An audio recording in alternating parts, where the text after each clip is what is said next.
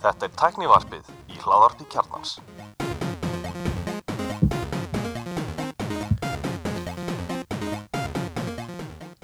Komið þið sálblessuð og velkomin í Teknovarpið. Ég heiti Gunnlóður Reynir. Ég er allir Stefan og ég er Elmar Hvað segir strákar? ha, þetta er fyrsta skipti mitt í þrjár, fjórar vikur Já, þú búin að vera í fríi Það finnst ekki okkar í tvær vikur, eða ekki? Það var messufallin í síðustu viku. á messufalli síðustu viku, já Eitt að fáum, við hefum ekki verið. Nei. En, kemur eins og fyrir. Við erum að nú nýjum öttu út í okkar, löði klukkan 12. Já, já. Og, og það er viðreysna partíða nærið þenni. já, Hver, hver eru þið, að fagna? að þau náðu? Það er bara eins og, eins og hlustundir hismisins vita, þá er fáir stjórnarflokkar sem er kunna meira að, að lifa og njóta en viðreysn. slakka og lifa á Já, nýtt og það er bara það- það lauga, það er bara einhverja mímósur og lögði, það er bara hljóma rúksla vel hjá mér Já. já, en er það ekki mí- mímósur alla daga? Þetta er, þetta er, þetta er, bor, þetta er borgartúnið og, og, og Discovery henni sko já Það er örglega verið að fagna stefnumótin stefnumóti Örugglega. já. Já, klára hefur nú, er, nú erum við með frambjóðata hérna við borðið Mhm. er stefnumótum komin? Já, við vorum með partíkir já, já, fyrir, fyrir píratan, ekki viðreist eh, sem sagt, hjá, Tökum það fram já, hjá Píritum Fyr, hjá, hjá okkur er það þannig að það, það eru settar í kostningu eh, Þannig að allir geta kostið Já, eins og við þá kjósa svona 20 og það var ekki verið eitthvað Já, það var í prófkjör, Hafnarfirði. þá var- Já. En það var það fleiri hafna, það voru, hvað, var 20 þá var Já, söðu Það og en það 20 var mann opið fyrir á landsvísu Árborg eða eitthvað, þú veist Já, það er, það er en það var opið á landsvísu Já, En þetta er ég, ég, ég get kostið, ég bara glindur mér sko. já. Já, ég, ég kausa ekki hafnari þótt ég sé ég mitt skráður í pírit hafnari sko en, en, en Þú voru að flytja í Reykjavík til þess að stiða mig? Já, það var ágætis kostning sá ég í prókjörnum í Reykjavík. Það var einhverjur þúsundir það ekki sem kustu þar. Jú, við fylgum bæði frambjóðum og, og hérna aðkvæm Já, þannig að það er nú kannski ágætis en þetta er svona spurning með líðræði sko að, veist, er líðræði það að margir velji eða, eða fáir velji sko? Veist, það getur líðræðisleg líðræðisleg prókjör en ef það eru bara 20 sem kjósa þá er það ekki Já, það er, það það náttúrulega því miður oft verið þannig með pírata að þeir hafa skorað mikið í, í, í, í hérna skoðanakönnum en svo bara mæta kjósendur ekki. Ég kynntist það slemrið eftir ég kaus pírata í bæjarstundu kostum í hannari og það voru bara með sko nánast öryggi með tvo mennin já, og hérna og þá var ég með, þú veist, og mættu helstu fórkóla pírata í partíið, sko, þú veist og Birgitta á fleiri, það var þeim tíma þegar hún reyði öllu þannig og, og svo náðu þeir engumannin, sko. Það það var ekki svona tæft, sko. Þetta var bara, veist, þetta var bara þessir, þessir kjósöndur sem allir voru mjög spenntir í konunum, sko, mættu bara ekkert að miður, Þetta er vandamál og þetta þetta er er- náttúrulega bara e- og þetta er ekki sér íslensk vandamáli kjö- en, en, en, en frambóð sem að sækja fylgi frekar til yngri hópa þau eiga er með að smala þeim á kjörsta Heim, heimska unga fylgið. Eða lata unga fylgið, kannski. Lata Herru, Já, maður þarf að mæta- mæta. Það þarf að mæta. Það er alltaf hópur sem í nunni væri til í að geta kostið á netinu. Já, já. sem er þetta píratar er ekkert endilega ég þetta mjög góðu viðtali við hérna, Helgaram sem hann bara var alls ekki jákvæðar á kostninga á netinu. Já, það er mjög mismyndi bara út af einmitt, þú veist, þú fer bara til ömmugamlu og lætur hann að kjósa rétt og, og, og hún getur mm. ekkert maldaði mónu, það er bara mjög algengt að, Já, já. að þú veist, það, það er oft verið að smala einhverju liði á kjörstað og það er bara, veist, þau á kjörstað finna það að sá sem er að fara að kjósa hann vill ekkert að soni sem komið inn. Mm -hmm. hann vill bara fara inn að því að hann er ekkert að fara að kjósa rétt. Nei, og, og, og netkostningin er svolítið hættuleg þar sko. Já, ég meina það er náttúrulega bara í lögum að það eigi að vera leynileg kostning og það er ekki hægt að tryggja það í heimakostningu það er erfiðara sko. Að ég væri til að fá þetta bara úrið. Fínt bara eins og þegar ég bara hérna þegar dóttur mér sendir, má ég fá lengri tími í iPadinu, geta bara æ, æ, ég ítti vort framsókn anskotast öndu, öndu. Herðu, einlega fréttir. Yes. hérna, það er auð- fátt, fátt um fína drætti. Já, þetta er, við erum svolítið svona stundmilli stríðanuna sko, Já. að, að, að, að þessi tímun er frekar rólegur í tæknifréttunum. En þetta verður við þannig svo landsjóðum að hittast að við getum munum bladra þetta langt um að dag held ég sko. Já, það er langur listi í skjálinu heimilega kaup ríkis í svo auðkenni. Já er það ekki bara, meikar ekki sens að, að, að, að fyrirtæki eins og auðkenni sem að gefur út rafræn skilíki að það sé ríkisfyrirtæki, það sé ekki ykkur engaðil út í bæ? Meikaði ekki bara sens að það verður þannig fyrir upphæðu jú, jú, sjálfsögðu.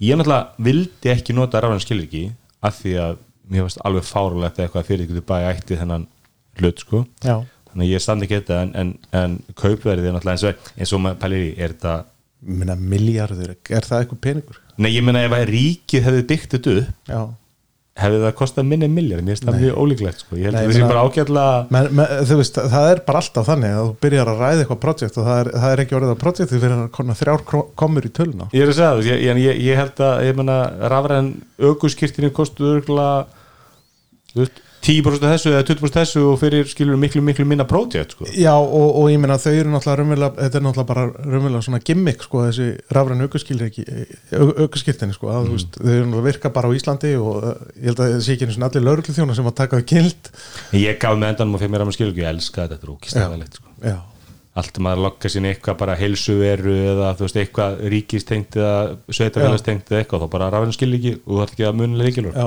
það, það, og, og svo náttúrulega verður Íslandsbanki að fá sitt kútós hérna að vera að nota aukinnis appið að, að það sé hægt að loka sín þar, þá er þetta bara kennitala og, og svo poppar appið með push notification og símaðin, sko. Já, einmitt. Já, Það er er að nota. Og Dókubitti minn líka með. Já, það, það, er, það eru því miður ekkert rosalega margir aðrar búnir að innleiða þetta en Íslandsbanki var held ég bara einn af þeim fyrstu allavega sem ég tók eftir sko.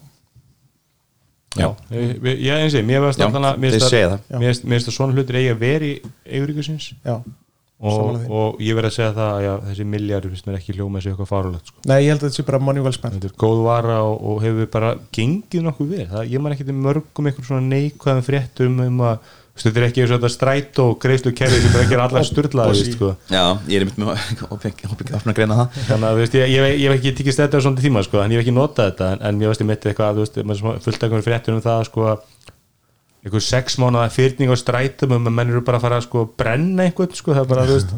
En sko nú, nú nota ég þetta blessaði klappa og, og, og kort bara mjög reglega og þetta bara virkar. Ekki í náttúrulega Nei, nei, nei, Nei, ég- hef ekki, ekki, ekki, ekki Og- gett svo að fara að nota þetta ég, ég, ég fór þá leið að kaupa mér sko kort það kostar þúsund kall og svo bara fyll ég á það og þá er þetta bara eins og, eins og ég held ekki bara sér öllum borgum Já, bara, bara svo- bara hendið upp á listarann og slappa inn sko. Ég gerði þau mistökum út í London í haust þá kefti ég mér svona eins og Oystercard, heitir eitthvað annar en þar oysterkart heitir það Oystercard London? Já. ég kefti það, svo fattaði ég ekki fyrir, þú veist, þau föttu bara að borga alveg slatt, þeir borgaði því 20 þú veist, kefti inneik, sko korti kostar heldur 5 pund og Já. svo kaupir inn það var ekkert að gera Jú, það er, Nei. það er rótirra eða ódýrar Nei, skiptir ekki máli lengur. Nú, nú getur þú bara nota sem sagt- bara Nei, já, bara Síma-. Ég notaði bara Síma. síman og úrið eitthvað bara Þarft ekki Oystercard, þetta er bara nákvæmlega sama. En var það, ekki, það er rótirra ef þú ert á oysterkart það er það eitthvað krónur eitthvað, ég, ég sá engan mun sko, ég þú veist, taldi hvað eftir maka ferðir Já. og austukortun og það var þetta mann ekki þrjú eða fjöndum skall ferðin sko og þetta var bara nákvæmlega saman, ég svo að það var alltaf Apple Pay hvað þú borgaði sko, Já. það var alltaf miklu þærlega sko. Þetta er bara too, tala eins og Oystercard að nota hennar Já, ok. en, ég- en ég, þegar ég var í Svíþjóð þá var ég með sko, þá þurftu að nota þessu austukort og, og, og, og þú þurftu að greiða inn á þenni þú getur þess bara í vana, þú veist ég en mér finnst þetta alltaf svo sniður lust hjá, mér. Finnst þetta rosalega, þess að hvernig strætu appið var að þetta var rosalega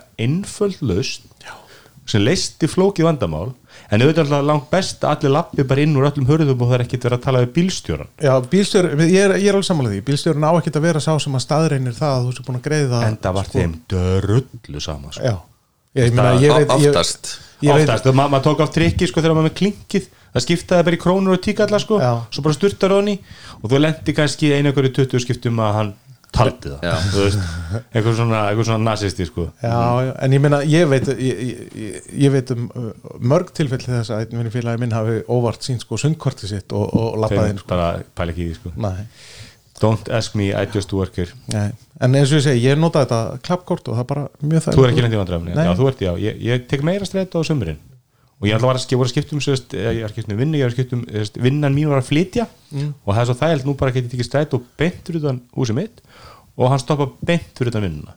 Hvað er það? uh, hlýðasmára þannig að það er mjög þægilegt sett og hérna setup en, en það er eitthvað inni mikið að gera. Þá er bara þú veist, að vera á bíl. Þú veist, að þú ert kannski það er bara að þú ert að vinna, svo er æfing svo er kannski fundur eitthvað svo er ég vel teknivært þú veist, þá er bara að hafa bílið frá og tilbaka það er eitthvað þessi auka 5 eða 10 minnur kortir hér og þar er bara svo mikilvæg sko. Geta að fara að tikka rætt. Þetta eru dýrmætustu mínutuna mínar á, á, á daginn. Það er þegar ég er að lappa út í strætó og á í vinnu og á leiðinu tilbaka. Já, ég ætla að prófa alltaf að hjóla. Einu mínútuna sem ég áta fyrir mig. Ég ætla að prófa að hjóla svolítið bunnu þannig og svo er líka, náttúrulega nú er að maður- getur maður tekið bara hopp, það er komið bara á sama svæði sko, en ég get bara tekið hopp heim frá mér upp í vinnu og Vá. tilbaka. Gekja þannig að maður prófa það kannski. En hérna Hvað meira með þetta klapp áður en að- Þú veist það, var svo frétt inni eða? Nei, Nei. En það er hérna nýlega fréttina um að, að, að það gangi illa auðkina að, að hérna, nota appi eða kort held ég, Kortið. skipt, ekki máli Já. Nei, held ég bæði sko Já. Þegar þú berð upp að þessum mæli sem gefur grænt eða raukt, hvort þú með hafi borgað og Já. einhverjum tilugum er, er sérst verið að gefa raukt eða þú ert svo sannlega með miða Já. Það er alltaf mjög leðilega upp okkur já, það er, það er, það er ekki gott Það er eiginlega svona kjarnavirkni á þessari þjónustu En mér er sagt sérst, að það séu tvei hlutir. Þetta er sérst að það er laust þannig bakvið sem er hillulaust sem er aðgangskerfið, eða miðakerfið. Og ofan á það er byggt app af stokki og sem gerði líka strætópið. Og það er að þetta er kerfið bakvið frekar heldur en appi sjálf sem er víst, aðal sökutólkun En er Er þetta kerfi á bakvið ekki bara eitthvað kerfi sem notað í miljón borgum bara Jú, og það, það er að það er það sem er að feila Samheng, samhenging kannski á milli apps og, apps og Já, kemur í ljós. Ég, Þetta er alltaf eitthvað leiðandi veisin og vondi innlegging og það er svona að verðist ekki vera kapasti þannig til þess að höndla það. Já Nei, þetta nei, er en þetta skiptir alveg mála því að sko, það er ekkert að vera að rúla þetta baka. Þetta verður bara Nei. lagað Já. og hvort það tekur vikur, daga Já. mögulega mánuði en er, er, er, ég, mér finnst það eins og ég hafi lesið fréttum það að þetta kom einhver stóru uppfærsla í næstu viku sem að ætti vonandi að laga flest vandamálin Einn stærsta skitan er náttúrulega þessi krafum yfir ára skilur ekki, en það, hún var algjörðrögl já. Já. Og, hitt, og hitt er náttúrulega líka rosalega vond sko, að skilja ákveðin hluta af gamla strætóappinu eftir sem er sem sagt að hvað er strætó virknin á, sem, sem er aðeinslu virkni er frábæra virkni ég notaði mikið eins og ég sagði sko. ég, ég horfi bara að í appinu Já. og ég er bara búin að, þú veist, þegar hann er komin þangað Já, þá, þá- hleyp ég út Já, og þá bara, nákvæmlega. þá bara klára maður kaffeballan og hleypur út sko. og þetta var skilið eftir og er ekki í nýja appinu og það er svolítið óöpilegt sko. Það, er- það er alltaf, alltaf algengt það er alltaf erfitt að replikita alla fítur svona sko. Kannski þessum nótum við lendum í mikil, mikil umræðin í slakkinu okkar um hérna tilhörunir, eða tillögur Jóngnar sem að þetta er lest til hérna Akureyrar. Það er allir með að fara að rýna í kostnæður við það. Og allir mjög jákvæðar á sko að þeir eru lest lög til Akureyrar. Og, við vorum eitthvað svona sem að gera nýjur okkur enn með að fara að afla sér upplýsinga. Og það var svona skipta sko eða sérst, fyrir eftir hvaða heimild þú notaði hvort það kostaði sko 2, 3 eða 4 miljardar per kílómetr í lest. Já, ég- þannig að það ég- voru þetta orðið sko 1000 til 1500 miljardar að leggja lest. Já, hvað er það á milli vina? Og hérna þetta var svona og, og nota ein bene land- til lítils bæjars sem eru undir 20.000 manns í staðin fyrir að leggja lest sko út af keppleik það sem eru hvað, 50.000 manns. Já það eru 40.000 það eru manns. sko skimp Keflavík, Nei, hvað er mikið? það er 12 En það er alltaf skilur það er alltaf hundruð Keflavík. það er alltaf hundruð þúsunda túrist sem myndu að taka lestina sko. en, en það eru skipta skoðinu hvort að það sé artbærverkefni sko. þannig Nei, að lest, 20.000 manns líka lest til Akureyri væri basically bara þú veist, heimskulegasta hérna, fjárfesting ég- Íslandsöðum Það eru fleiri sem búi í Reykjanesbæ heldur en á Agri ég myndi segja að það veri mun gáfulegra að leggja lest til keflavíkur og þá að hún fari sko og komist að leifstöð þú veist, það má ekki vera þannig að, að hérna að, stoppi bara í Í- Reykjanesbæ. já, eða, eða þú þurfur að lappa 500 metra frá ég til held þess að komast í, alltaf, í, í ég held nú lestina alltaf að fara, til, fara beintinu leifstöð sko, og ég held að það ég held að þegar, þegar túrismin fer að full, fullt að þá, hérna, það var einmitt andri deltum tíð sko, að- að uppalpunni gengur út og hún er ekki í notkun 22 sko. já. Það ég meina sko, það, þú, þú við, við segjum það hér að, það, að sjálfsögum myndi lestin enda í leifstöð en það er ekkert sjálfsagt, það er því að strætó færi ekki einu svona að fara á inn. Strætó er með stoppskili já, þú þarft að lappa 500 metra frá stöðinni. Nei, þetta er ekki 500 með svona 200 metra. Ha, ég held að þetta sé alveg öruglega 500 þetta er metra. ekkit lengra heldur bara bílastæðinu. Þetta er Jú. bara, nei, þetta er bara það, það, það, það, það, er bara, það er bara einn aðilin sem að færa að leggja sko alveg upp við stöðina. Já, það er Ha, fyrirtækið þitt?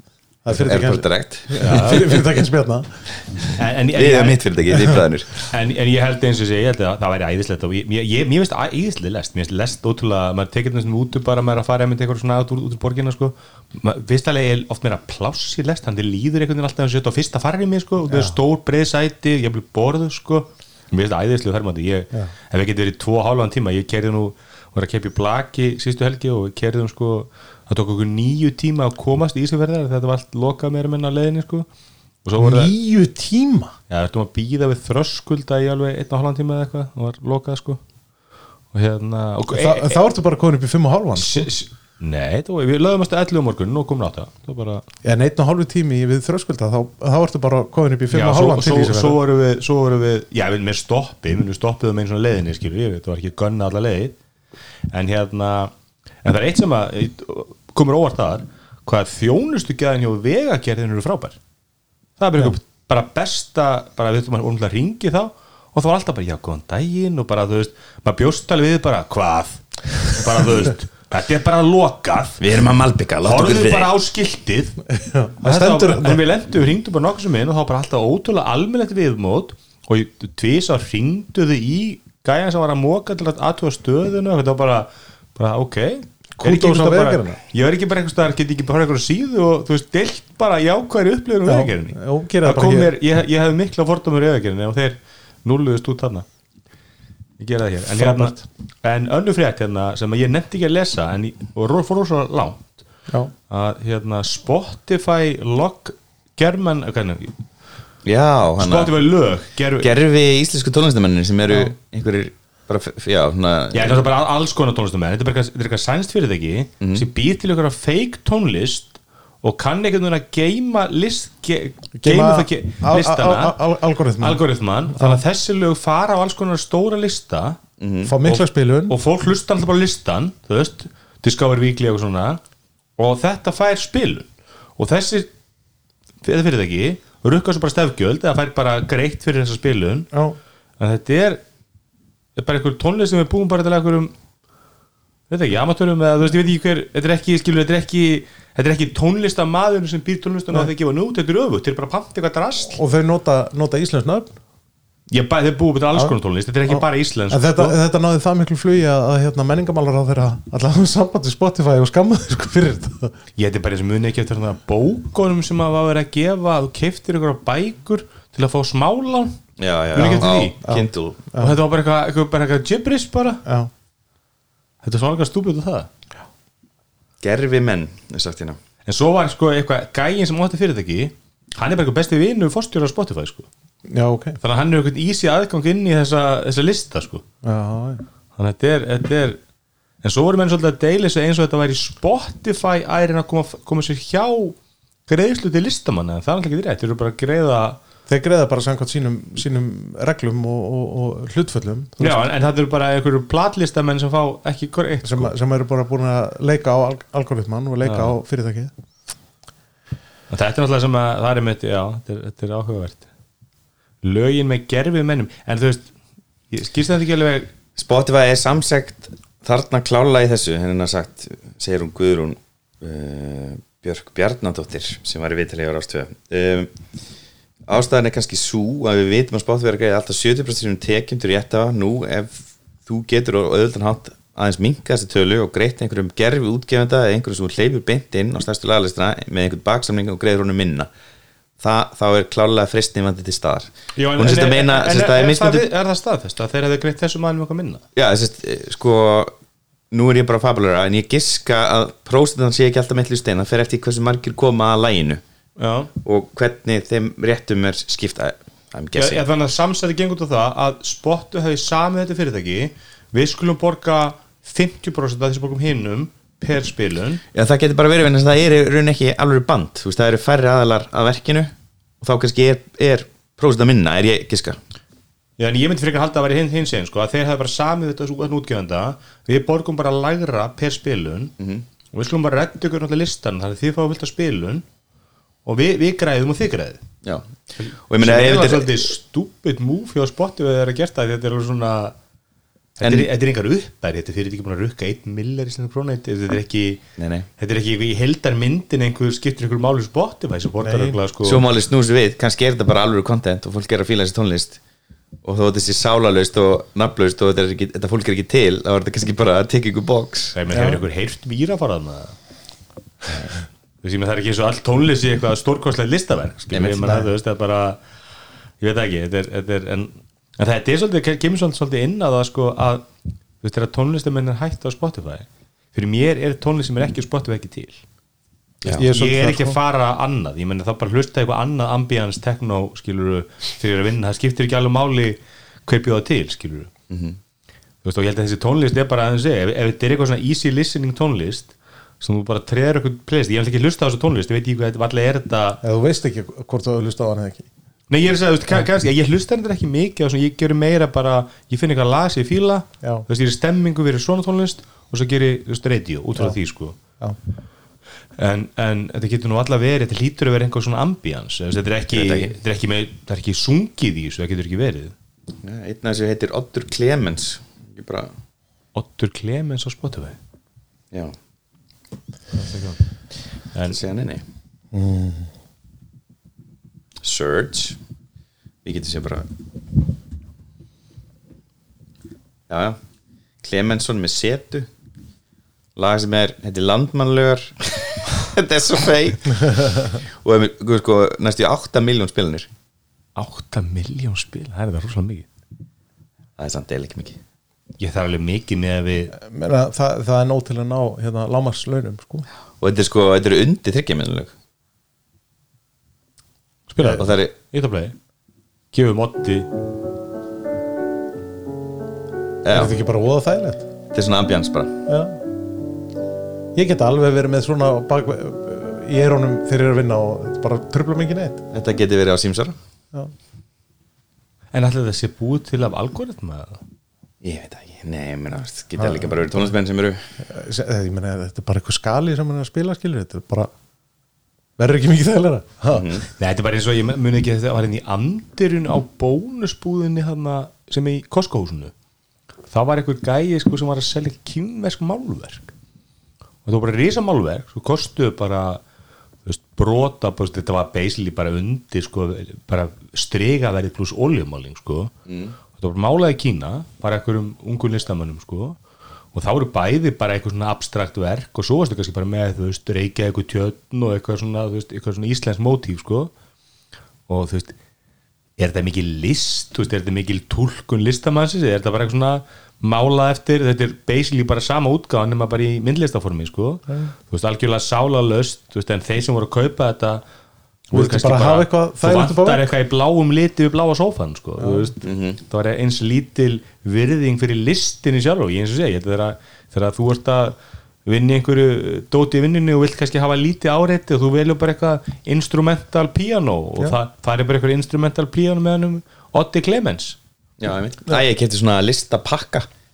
Fekk svona saman svona kolas sem virka saman sem þú getur seg- þú veist, verið nálátt hver öðru, sami rammi Já, svona þrjár fyrir myndir sem eru í, hérna nei, nei, tíu myndir Ja, tíu myndir, já, tíu myndir já. pakka og alltaf fólk er það, kekjaði myndir, flottu vekkur ég, eitthvað, já, þetta er svona pakki og fólk bara horfir á mig bara, what? Já. bara hann bara attu basket og bara komið inn að- til landsins eftir tvo daga En mér er einslega svo að þú kaupir eitthvað svona þú veist, að, það, það, það er, er með myndlist uh, er, er, ef þú berði ekki virðingu fyrir henni að þá, þú veist, ertu fljótur að, að hendin út sko. Þú veist, ég, ég veit að hún sem kefti mitt svona þessi kímversku mál og bara, þetta er eitthvað sem að já, þú horfir alltaf á þetta er svona einnotað eitthvað sko. Já, ég fann þetta var alltaf svolítið bara svona eins og eiga, þetta er bara svo kaupið er fake Arne Jakobsson ekki, þú horfir alltaf bara á það að þetta er ekki ekki Já. þetta er bara, er bara eftirlík ég, ég, ég fíl ég held að sé ekki allir þannig en ok. Nei, ég held þess ekki allir en ég held að sé alveg sko, þú veist, þú berði ekki virðingu fyrir því. Ég meina, veist, ef þú ég- átt eggið, skilur þú borgaði miljón fyrir það. Miljón, voðalega það hóttist Já, ég fæ afslutir í konu þínu En hérna, altså, þá einhvern veginn er þetta einhver hluti sem veitið þig gleði og annað þú veist, þú, líð, þú, veist, þú, þú, þú elskar en, hennar hlut en það er skilur. náttúrulega rosalega mikið af fólki samt sem er tilbúið til að kaupa einmitt gerfi útgáfi af vekkinu ekki kostar miljón bara til að sýnast. Já, en, ég- en ég er, ég er ekki kostar miljón Já. nei, en, en, ég held 897 til 999 þúsund Já, það er, 800. í, það er í ull. Þú vilt náttúrulega leður allir Við komum leður ekki. Já, ha, ég, ég held að einu og hálf sé alveg bara lámasverð sko. Nei, það er með leður En, en göftu bara hann að Chieftains stjér eftir Finnjú Hann er á 2,5 eða eitthvað En ég hef hérna- aldrei séð ekki ég, ég, ég líka sé bara, eins og ég ætla að djúpar og bland, þú veist, maður sé bara oftur að selja eitthvað svona feikur og veist, fólk er bara að setja ekkert verða á þetta, það vil bara losna við þetta Já.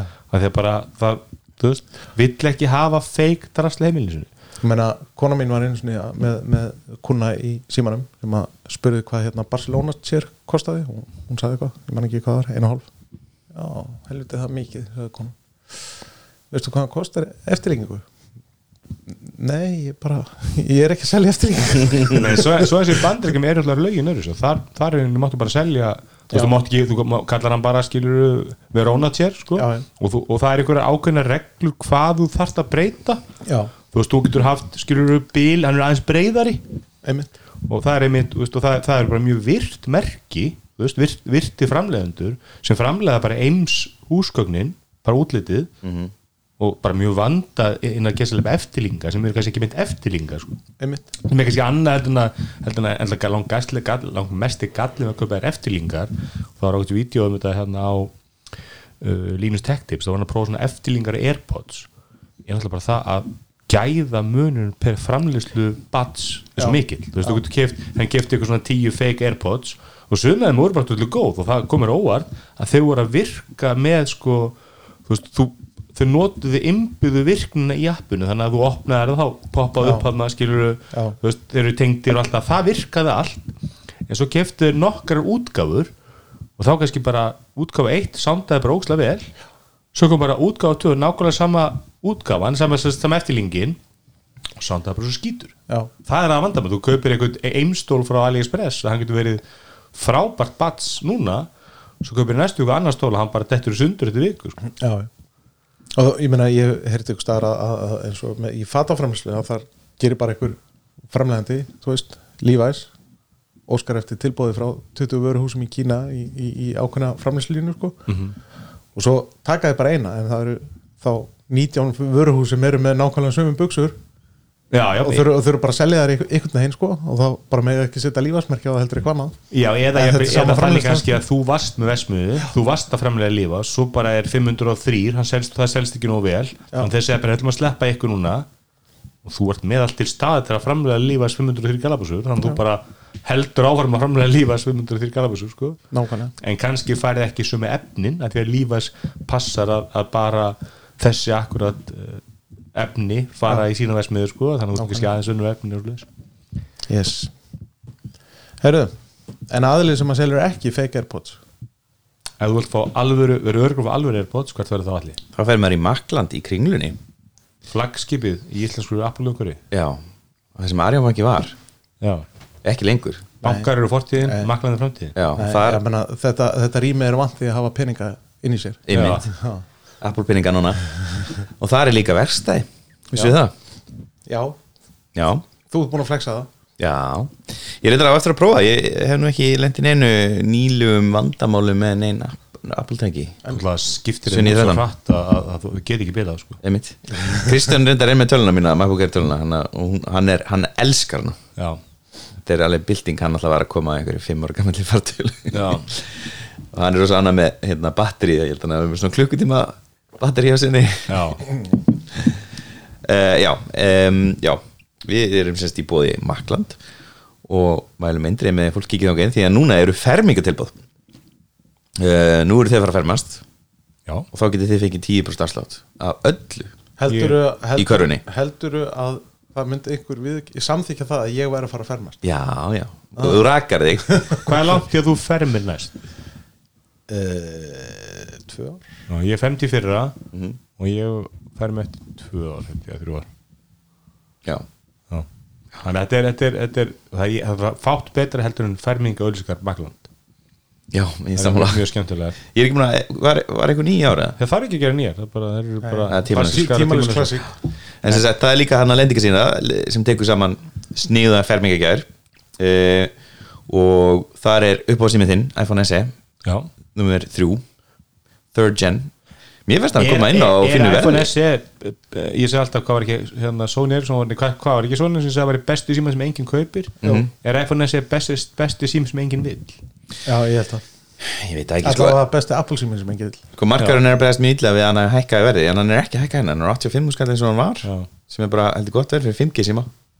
Nákvæmlega er hann komin, hann- er nýja sinni komin já, önnur var sem að, varst þú ekki sem að hann er komin í sínsendag er, er, er Studio Display? Jú, það er komin hérna skjár, Apple skjárin, hann er komin og hann er með, e, skal ég segja ykkur venjulega standurum, IMAX standurum Þú maður fara betur í þitt Sophie Choice Sophie's Choice um þínar Apple pælingar eftir. Já. en þú fórst að skoða henni mitt og, og, og, og hann, hann er komin í þeg, Mér finnst það reyndar mjög merkilegt að þið farið á skoðan og ekki lappa með hann út Einmitt. sko ég nefnilega er búin að ákveða eitt og það sem, heim eða eitthvað já, ég er búin að ákveða eitt með skjáin sem sé ykkur eftir en hérna, e, ég, ég fekk hann að blasta einhverju lægi og, og já, komu, þeir komum um skemmtilega orð þessi hátalar Mhm. og hann er rosalega fallegur í sjón uh, minnir auðvitað svolítið á hann nýju æmakkana en samt ekkert plast, ekkert gler heldur bara ál. Það klassiska Apple útið sem er ég, það er engin það er engin skjár sem kemur nálægt þessum í vildi það er líka sko, þessi búið er líka svo björt svona opinn og skemmtileg með, þetta er frábæð staðsending og hérna, og einhvern veginn maður kemur í þessu búið, ég fór, fór með að skila hann iPadinu sem að hann lánaði okkur hann, hann hörður. Og, og þá maður sá skoðan og svo, þetta er svona aðeins, þetta er skemmtileg búð. Þannig að við, við hvetjum hlustundur að flikkjast í, í hann saði nú í þættinum að hann bjóst að það myndi seljast fleiri en hundra skjáður og ég vil að Já, við- minnstu kosti tíu M7 til hlustan ternafisins Já, við erum að gera það upp eftir, hvað maður að segja, ágúst. Eh, Var með ykkur tímalínu á, á, á, á 100 skjám? Banna ekki, hvað, við þurfum að hlusta á þáttinn. Er, er í alveg fyrsta fréttin Air Purifier, ég bara ég ætla að víta þetta. Nei, þetta er bara risa frétt Það held allir að þetta væri hérna, April Cup meðal hans ég, en það kom út samt 31. mars. En við allavega þokkum hérna maklandur stunningin Já. og förum í erlendar fréttir. Dyson Zone Noise Cancellation Headphones Built-in Air Purifier. Þetta er, Er svo þetta slæmt. frétt? Þetta er samt svo slæmt. Þetta heitir Dyson Zone. Það er nú hérna heill aðdónduklubur hérna inn í tæknarfinu sem elskar Dyson. Er, eru þið ekki báður með mér í? Nei, Ég er alls ekki þar. En, en, og þeir framlega, og það er mikil hérna pressa á mínu heimili að það veri kipt önnur Dyson var í heimilið sem er sem sagt, Dyson hérna harbúlsarinn sem er vist Já. alveg bara í hann er í, svo sem klippið mig hún er með Dyson, hún segir að þetta sé bara game changer í bransan sko. Er ekki hægt að sko, ef það er hægt ég meina þetta er bara að vera að blása hár en hann kostar held ég sko 120 skall Já, sko. ég meina það er bara að vera að blása hár Já, Kostar en- hann 120 skall Ég held sér eitthvað svoleiðis, hann er eitthvað yfir 100 skall en, en nú náttúrulega notum við þrýr ekki mikið hárblásar eða Jú, að- jú, jú, alveg. Það ok, Þessi stýta tíman Ég hef aldrei notað hárblásar en ég, ég, ég bara, ég aldrei vann maður að nota hárblásar í greiðum mér hárið en, en hérna, en ef út með sítar þá er þetta tæki svona það mikið þannig að ég held að ef ég væri með sítar Er það að segja ég sé ekki með sítt hár? Nei, ég er ekki að segja þessu vel grill Þetta er alltaf í ég, ég, var, ég, var, ég var að segja þú er ekki vel grilltur Alltaf í augunum á mér sko. Ef þú nota hárblásar þá gerur það vittlust en, en ég kann mjög vel Það við kostar 80 skall. Ég kann mjög vel um mína Dyson Rixu og hérna og en viðst, ég veit ekki, ég verið eitthvað svona Dyson fanatic, Dyson finnst mér alltaf verið svolítið svona kortur í að vera eitthvað svona köld sko. Já, ég samla Mér finnst það líka frekar ljótæki Sorry. Mér finnst þetta sér hárblásari Ég sama, er, er, eiginlega allt þetta sem gerir er frekar ljótt. Og, hann, er- og þeir, það ég held þessi litblindur höndu Dyson, þeir er alltaf eitthvað svona svo Rixu minni eitthvað svona grá og fjólublá þeir eru eitthvað fjólublá hann liti Rixunum sem Engin Og svo gull er highlighting litur líka. Já, það eru mikið eitthvað svona ógeðslega líða þessi, þetta, er, þetta er með blátt og silluta þessi headphone með, með einhverjum einhverjum hérna air purifier er, er alveg eitthvað ljótast að sem ég afinni segja sko. Já, samt getur það trenda í Asíu held ég það sem er bara mikil hefð fyrir grímunótkun og já það Gæti er verið mikil mengun líka. Já, Ég meina, grímur eru mjög leðalar. Þannig ertu í rauninni með tæknin sem er að síja líka út. Og svo ertu með heyrnatól Og þú getur við svona tekið þetta frá þér. Ég segi bara aftur, er þetta fyrsta frétt okkur er þetta bara hérna Þetta Þetta er risafrétt. Apple opnar á áframsendingar á kaupsíður. Eru við þá að tala um svona dropshippers eða svona eins og MyOS? Nei, nei, nei, það hefur verið bannað að tala um ef þú selur áskrift að þú getur farið annað og já, keft hana já, já, súfrið, já. Sest, Netflix, þetta er stræðist þetta með Netflix sem bara, sest, gast, Amazon. Sest, ég keifti fyrstu Netflix áskriftinu mína þannig að ég var í iPhone náði appið, keifti inn í appinu og þá held Apple eftir, hvað var það, fyrst var það 30% svo lækurinn 20, svo gerir eitthvað backend deal og það var komin í 15 og alltaf að reyna að halda Netflix tekjunum og svo endur þá sagði bara Netflix bara, heyrðu, við erum bara alveg hætti þessu. Já. hérna, við ætlum ekki að taka þátt við að í þessu. Viljum ekki borga þess að komu. Já, og hérna og bara tók Og út að þú getur gert áskriði, áskriði. Og fær bara splasskrín Já, og fyrst hafa mann einhvern veginn Netflix hafa gert það, með minni að Netflix hafa gert það og það var, stóðu þennan uh, þú getur fara á, á netflix.com og keftir áskrift og svo það, það, það, það bannað og það var sett inn í skilmála að tala um slíkt. Og það búið að banna núna í fimm ára eða eitthvað, þú Já. má bara ekki minnast á það, það það hefur ekki verið bannað að gera þetta Já. Þannig en það hefur bara verið bannað að segja frá því. Já, og núna máttu þessu sagt A, segja frá því, B, linka Já. þannig að þú veist, ef þú ert ekki með áskrift þú fer hann inn og ítir á hlekk og þá ferðu í Safari eða Chrome eða hvað brásar út með. út úr, út úr App Store. Út úr, já, út úr appinu og inn í inn á þess að kaupa. Já. og náttúrulega ástæðan fyrir þessu er náttúrulega bara að það er mikil press á þessum efnum. Og það var nú bara nýlega fréttur um það að Evrópusambandi er með Ég man nú ekki nákvæmlega hvort þetta er tillaga að eitthvað eða það það er í ferli að verða að en er, þetta í öruguferli? Er Já. þetta bara orðið að lögum Nei, að þetta, er, frá þetta er ekki orðið að lögum en þetta er í örugu það, þetta verður að lögum Þetta verður að lögum í þessari mynd í haust já. og það gengur út á það að Apple þarf að samþykja party verslanir og það þarf að samþykja á appum Uh, nei, ekki, sætljótað er held ég ekki þa- þannig, en sagt það verður það, það, það verður hérna uh, það verður þannig að allir aðilar sem að reka svona vestlun að þeir verða að leifa aðrar greiðslumiðlanir, ekki sína eigin. Þeir verða að hafa aðra greiðslumiðlun við hliðina sem að er opinn og aðgengileg. Okay. Það verður áhverð því en, en, en Apple er svolítið hann að Ég meina, eðlilega vilja, vil, þrýstingin á potlokinu sko. Eðlilega vilja þessi fyrirtæki náttúrulega ekki gera þetta. Það, þetta eru góða tekjur Jó, þetta eru upphæðir, þetta eru alveg upphæðir. Menn Apple eru, þetta eru, tekjunir Apple eru 20 miljardar dólar ári sko, Já. í, í hérna afstórinu þannig að þetta er eins og þú segir kannski tilhörn Apple til þess að lifta aðeins potlokinu og, og leta þrýstingin ég held að sé bara orðið á seint. Já, þetta eru spennandi tímar. Já, um, en það er hérna neðar er sem sagt önnur frétt svona þessu tengd að hérna að, að því að þetta er náttúrulega þessi koma á ekkert bara við um App Store þetta er líka Play Store hjá Google og ég er alveg viss um að Amazon Marketplace er líka með. Amazon Fire hérna stórið að hvað er hérna? Já, að, veist, það er allir með þess að komu Já. en hérna Apple TV Plus appið fyrir Android að það var inn í Google Play Store og þar gastu sagt, það var eitthvað svona sweetheart deal til að byrja með það sem að Apple þurfti ekki borga, borgarinn að koma á því sem að fór í gegnum appið Já, ok.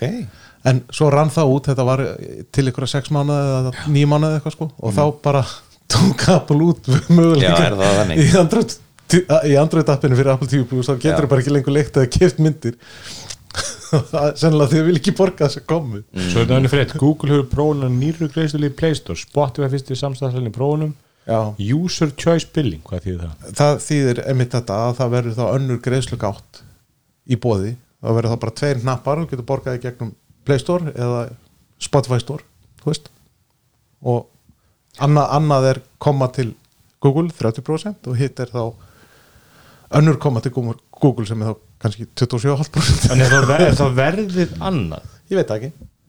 Kemur í það, ljós. það kemur í ljós, það er ekki búið að, það, það er ekki, það er ekki, Get er ekki að sjá að þessi upplöfun minn sem neytanda verði hún verður ekki, ekki einfaldari. hafandi vesla upp í, í, í Windows Mobile hérna, veslununum fyrir iPhone. þetta er frábær saga að- að að- að þá held ég að veist, það sem Apple gera allan ákveðlega vel að þessar búðir eru til að getur bara Já, taka þetta, er, á- þetta er einfalt en, en, en það er þá, þá þurfa fyrirtækin að vera tilbúin til þess að skilja pening eftir sko. og ég skilða alveg ef þú ert Spotify að þú viljir ekki skilja þessa peninga eftir hjá Apple og það er, það er rosalega undarlegt til dæmis að þú ert leikjaframlegandi og, þú, og hérna, þú selur leikiðin í gegnum App Store og það, það er fullkomlega eðlilegt að Apple taki kött af fyrstu sölunni. En af öllum mánaðar áskriftum eftir það þá á Apple að, eða, eða Google eða whatever sko. Eða Sony Playstation Store Já, ég meina þá, þá, þá finnst mér að ég sem neytandi eigi þá frekar að hafa valum það að kaupa það bara beint á framleiðandanum heldur en að vera alltaf að taka það í gegnum einhvers konar verslun sem að En ég, ég, ég, ég lendi í reglíðunum, ég sé ykkur hluti, þú veist, ekkert bara einhver vasareiknir eða veðurapp eða eitthvað. Og þá bara, já, þú veist, þetta er frýtt sjötta pröfaskrift svo bara eitthvað 15 dólar á viku eftir Já, það, það er bara eitthvað- galið. Ég bara, hver er að fara að borga 15 dólar á viku fyrir eitthvað veðurapp þetta er eins og business sé bara að þú óvart ítir á já Já. og fattir það ekki. Það sé business Nákvæmlega. sko. Að plata fólk Já, veist, þetta, því að það meikar ekkert sen það, veist, sumar sem upp með bara að það getur ekki verið að þetta skipti einhver það miklu mál eins og borga þetta er er ekki kannski ef þetta verið 1 dólar á ári eitthvað myndum maður kannski gera það sko. En oft er þetta bara átt upp að þér.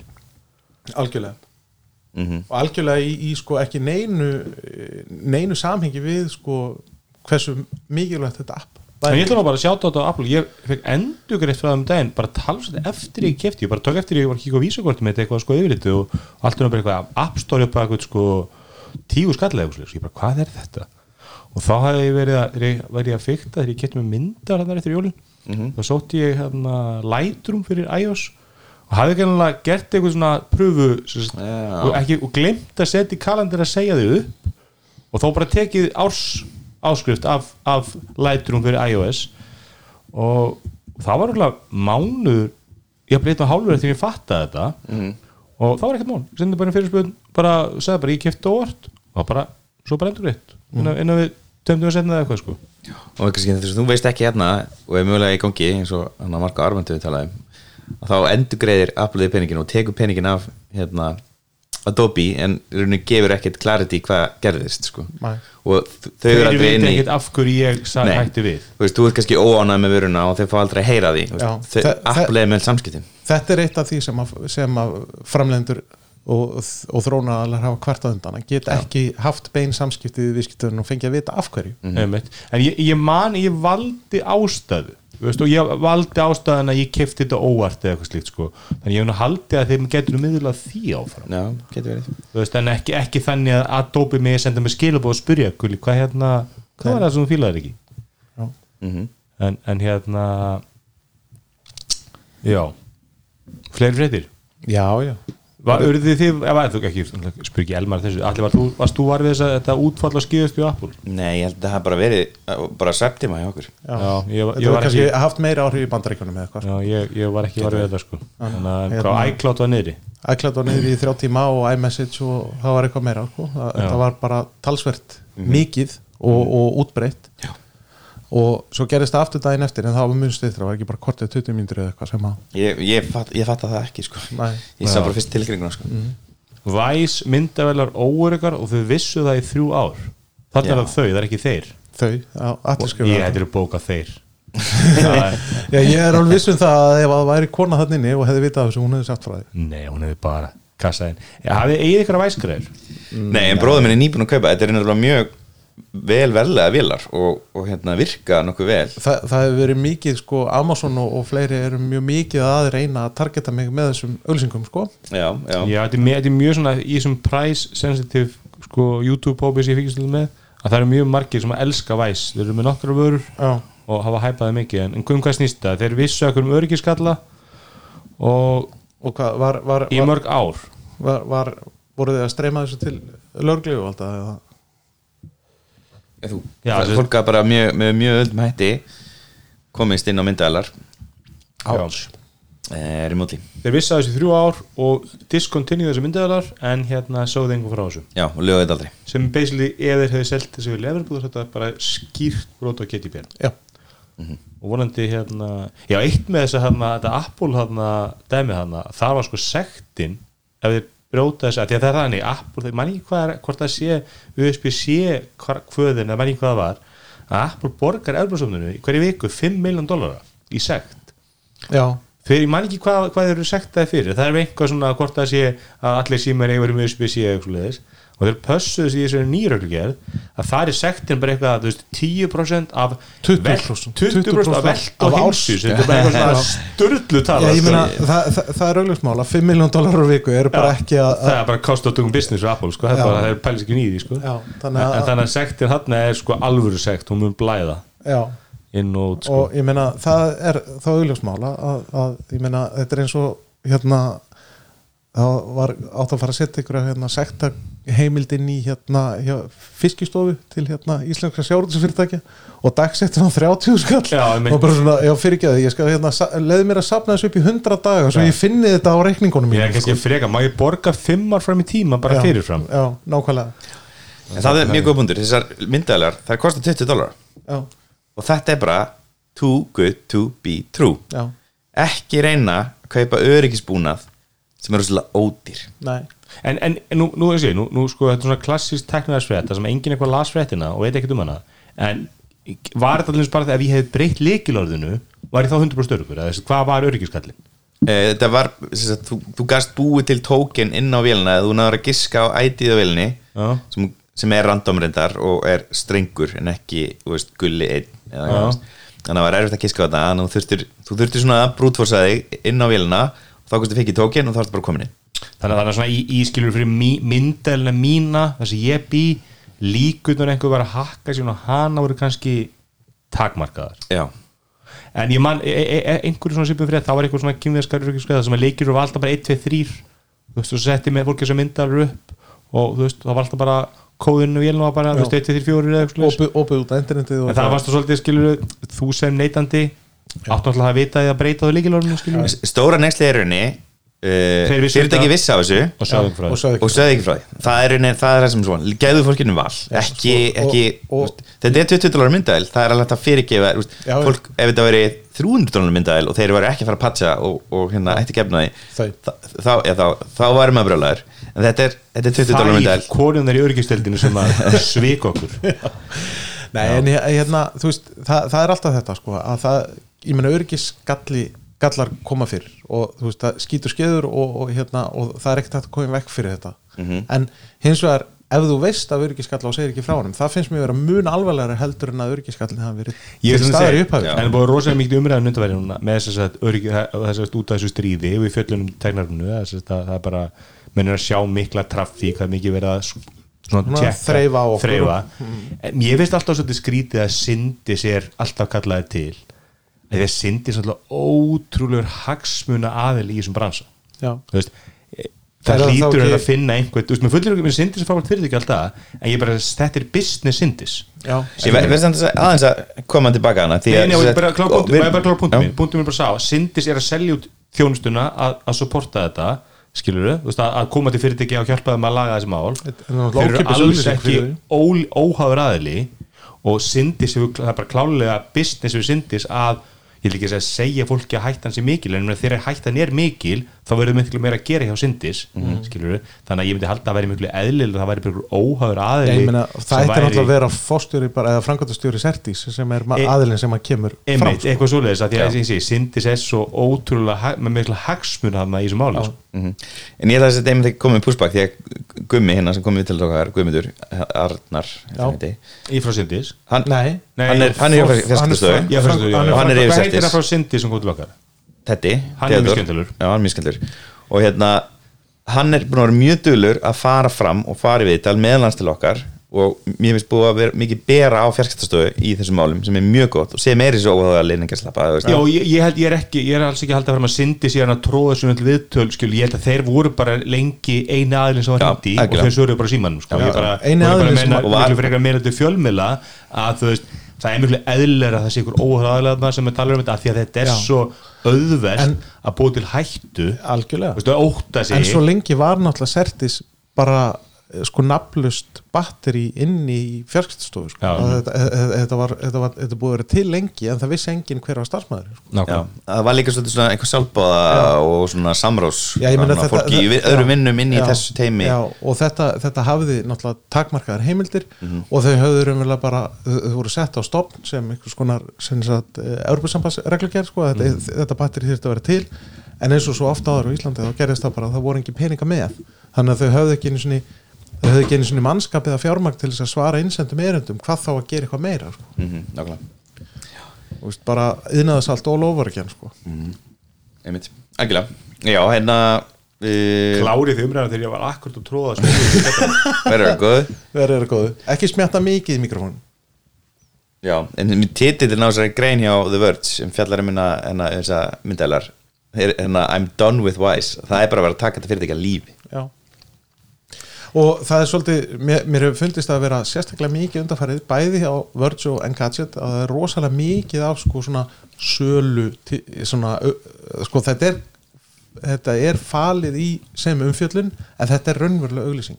Já, menn eins og og lest, sko, þetta er ennþá verra og lest T3 blaði Já, eða stöfmagasin, sko, það sem er, þú ert beðis að lesa bara kvellilistan, sko, Já, já, En mér- auglýsingar eftir auglýsingar. en mér hefur fundist að hafa aukist rosalega mikið á þetta mánuðum sko. þannig að við vorum að tala um þetta fyrir þáttin, ég var að fara ekki með einn gadget fítið, ég gerði við litt fyrir þáttin, bara skoða þeir eru með það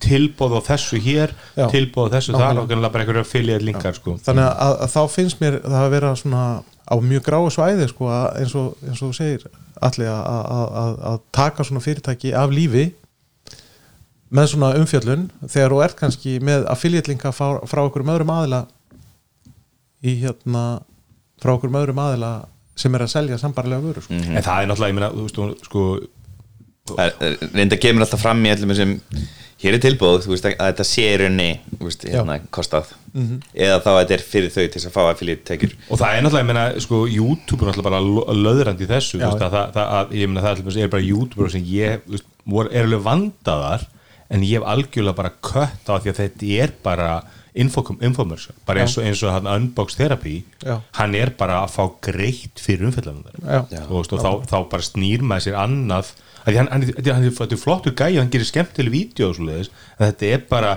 þú ert ekki að fá hlutlust mat og, og ég bara, hann er eitt versti youtuberinn að mínum að þið, ég, ég fæ bara svona instant svona óglið þetta er svo, þetta er allt keiftar skoðanir. Já.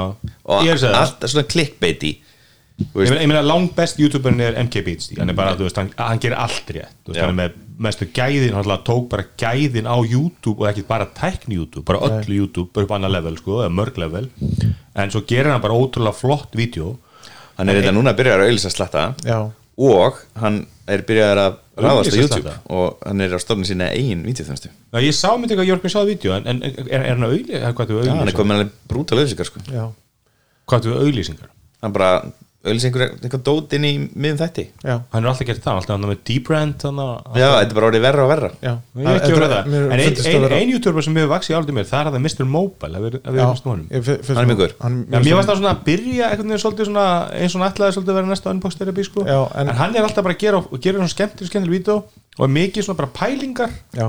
og, og mér finnst hann mjög svona ég tek líka svolítið á henni hérna Miriam Johar, ég er svolítið gaman að henni sko. Ég sé hana eiginlega ekki neitt í dag Miriam Joar ha, Miriam Johar sem var á einn gadget já, ég veit, er hún með YouTube? já, Já, ok, ég hef ekki séð hann hún, og hún Íslandsvinnurinn vinnu minn. Já, ég veist ekki að hún væri hérna væri á YouTube, ég hef ekki séð hann mikið þar. En hún er á YouTube og, og, og, hún, er- og hún er náttúrulega með uh, sitt eigi podcast sko. Og hérna, það, hún, hún er hún er hún er heiðaleg sko. Já, Og það, hún er ég, ég, hef, ég hef rosalega gaman að því að hún, hún er bara mjög brútal þegar hún þarf og hún rósar þegar hún þarf og það er ekkert svona kæft að skoðanir þar sko. Ég held ég myndi að það, það sem að þú veist, þú veist, virkar í þessu, maður sé bara Já. eins og, veist, eins og, mó- eins og hérna, þú veist, bara þessi eins og mobile tech rjúfi heiti, heiti, það er svona, einhver kona sem er bara með hún tekur bara tölvu, hún tekur alls konar, hún er bara með að Lenovo fyrir vinnuna, skil, þá bara er hún bara að prófa þá tölvu Já. Já. og hún Nákvæmlega. gerir þetta alltaf eins sama formúla en bara, hún er bara góð, hún bara fer í þessum skipti máli, alltaf, þú valda að rétta niðurstu það, en það var svolítið svoleiðis líka hérna á Engadget hérna í gamla daga með hérna hvað heit hún sem að var síðan hérna Jonas, Ritstjóri? Jonas Stern Nei, Já, hann er sem er Ritstjóri Gadget já og uh, hérna, hún, hún var alltaf með sko laptop review og laptop, reviewin hennar voru alltaf rosalega góð sko. Já, og, og ég menna hún bara var algjörlega aftengt því hvað, hvað sko, hennar persónlegu skoðinu voru þetta er bara þetta er gott og þetta er slæmt og Já, já. þú veist Words gerur óslega metnaðvöldir review þú veist, að DJ Bone even war, þú veist, þú varst með svona eins og veist, góður góður skoðanapistill.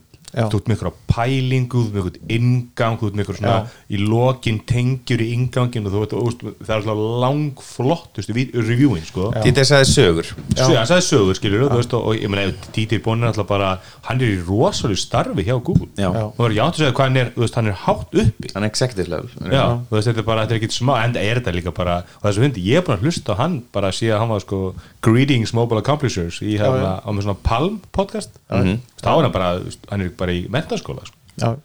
og hérna, það er mjög gaman að það er ro þessum rosalega missir á honum úr þessum gera sko. og Words er með, og þannig að sé eiginlega öll þau sem kom inn í Words og Words er mjög svona flottur vinnustöður þú veist, þú ert að fá alls konar rattir þetta er ekki bara einhverju svona, þú veist, og Línus text bara alveg skemmtilega rás Já. en það er svolítið svona tech bro stemming þar, Já. þú veist og, og meðan Words er bara með alls konar fólk Já. og það er mjög skemmtilegt og gera það rosalega háu kaliberi ég er alveg samanlega en ég að sem allir saman á Jonas Stern-vídeóin eru bestu Já, algjörlega. skemmtilegustu review-vídeó sem gerir en ég segi alveg eins og er líka að, að mér finnst ég að sjá mun á vörds eftir að Díti búin farin sko. mér finnst það bara vestna Hann er nýfarin já, en það er langt Það er sí- mánuður. já, en það er langt síðan að hann hætti að skrifa Já, Ja. jú, hann var hættur að skrifa minnst kosti mánuði áður en að þetta fréttist. Hann gerði hvað, var- hvað hann gerði eitt lokapistil þar sem hann fekk, að kveðja. Hann kom eitthvað review í Warsand það var einhvað, tæki sem mann ég horfði á vídeo en, en, en ef ég átti að velja þú veist, missa eh, Didier Bone eða, eða hérna Nila Betel ég hef alltaf valið Nila- Betel að missa hann? Já, ég meina, Já. mér veist, af þeim tveimur var Didier Bone miklu mér fannst það meira svona thorough og svona, já, mér fannst hann betri í já, reviewer. Já, mér var bara þægilega svona þægilegt að hlusta á hann, er rosalega heiðalegur bara svona flottur sko Já. og alveg svona klálega þeirra.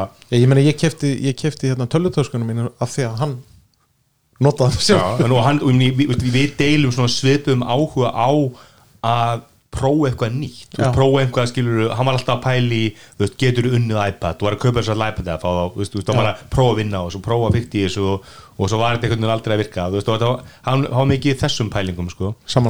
Þannig, en hérna, áðurum förum í, í uh, er all- allir farið að 900 skall í tölvusættöp þá langar bara að droppa bara eiginlega svona public announcement um það voru þrýr þættir sem komi eða allir bara mjög svipum tíma að er að ætlar að gefa tæknivarps stamp of approval?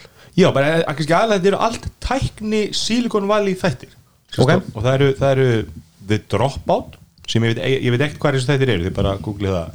En ég held að eh, eitthvað þessu eru á Apple og eitthvað þessu eru á Hulu en Dropout er sérst um Theranos málið sem að fyrir það sem veit ekki þá var Theranos fyrirtæki sem að á hápunktinu var metið okkur 10-15 miljardar bandarækjadala og er stopp, stopnað af konu sem var bara í, í bara freshman í háskóla sko, bara einhver 19 ára gömur og á þess að spóla miklu og bara algjört skam.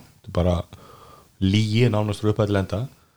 Og þetta er mjög áhugavert. Er bara, er, ég myndi segja að þessum þreymur þáttum ég er þetta lang, langt bestu þættin? Þetta er rosalega vel skrifað og vel leikið og bara svona flott hérna, flott sjónvar og það er einmitt þú veist, mikil Silicon Valley þetta, er er svolítið mikið farið inn á þetta sko, sem að flest öll Valley fyrirtækin gera er svona fake it before you make it sko.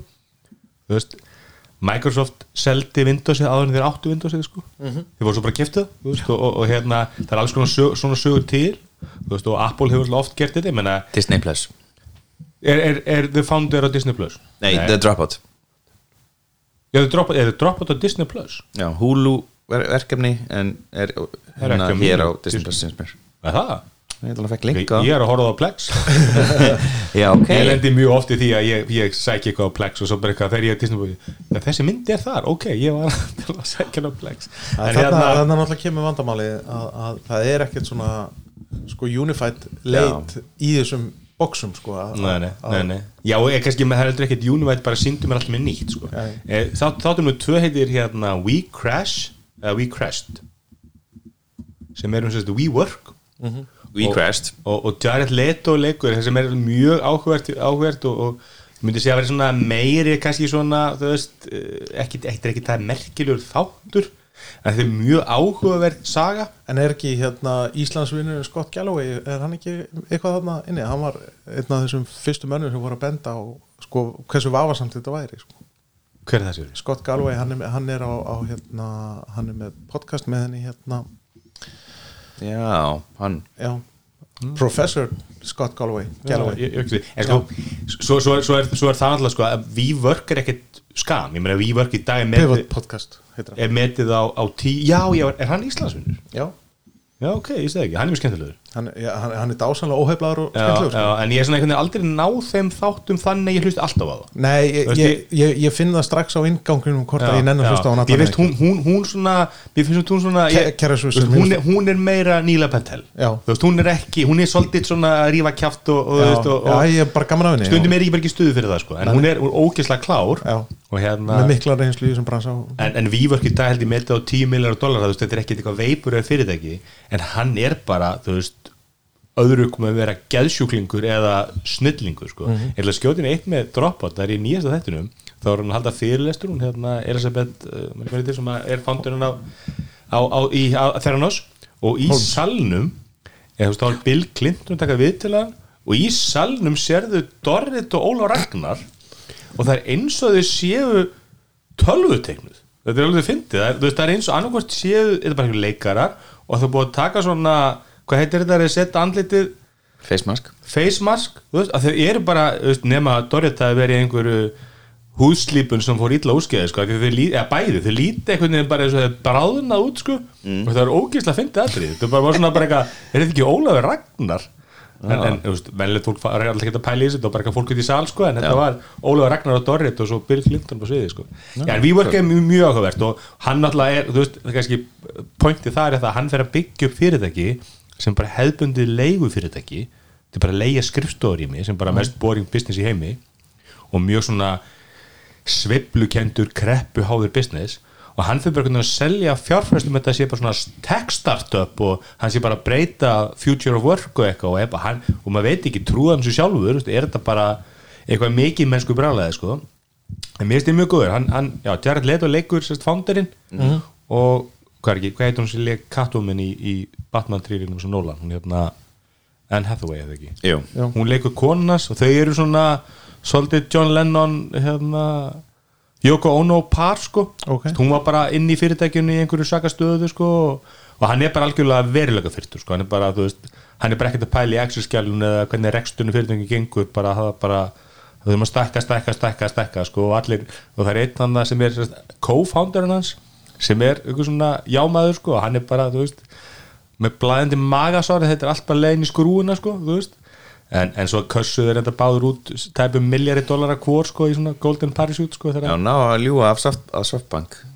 Ég veist, e, e, e, sko, þú lígur náttúrulega enga softbank sko, ég meina softbank er eitt stærsta fjárstugverð í heim og ég meina ef, ef, að- ef að þeir ger ekki sínar Due diligence, þá, er þeir ekkert fórnalam sko That's just your too bad hann, Já, hann seldi já. bara sögu skilu, hann seldi bara það að Vívork ætlaði einhvern veginn að breyta the future of work og þú veist, svo getur maður bara hversu mikið að kúleitur hann ætlar að drekka en þeir eru minnstu mjög skemmtilega og þriðþættin heita Superpumped og eru eftir samnættri bók um Uber og eru baráttun um Uber og það er strax búið að gera bókaserju 2 eftir sérst, sama rithund sem að gera bók nr. 2 og hún er um Facebook. Já, ok. Og það kemur sérst að búa að bóka serið 2 á Súpömpt en, en þetta er um sérst Uber og, og bara all, alveg, alveg það bara henni baráttuna um Uber og ég minna alltaf hann er búið að reka hann í dag hann er rekin frá fyrirtækinu fórstjórinu sko stofnandinn en hann er líka svona veruleika fyrstur skilur bara, ofsa trúa sjálfur sér og svona alltaf Frábær sölumæður frábærsölumæður og, og, og, og öll, þau, þrjú eiga alltaf samanlegt, Elizabeth Holmes og hérna, manni hvað hitt sem stofnaði hérna, WeWork. WeWork og, svo, og, og Uber-gæin, þetta er allt Kalanick. frá, frábæri sölumenn, en uh, kannski af þessum þeim fyrirtækjum var, uh, var alltaf rosalega vond fyrirtækjamenning inn í Uber, Já. það var alltaf fræði þessi grein, það farið inn að þáttunum þessi grein sem var bloggposturinn um það að þetta var bara ókíslega eitraður vinnustöður sérstaklega og skona Já, og þá bara svona alls konar bara ótrúlega kallremba og hann alltaf, það kom beint bara frá fórstjórunum sko. Og hérna og við erum mjög, ske, mjög skemmtilega þetta líka og, og, og, og, og það er hann að the real trickle down effect.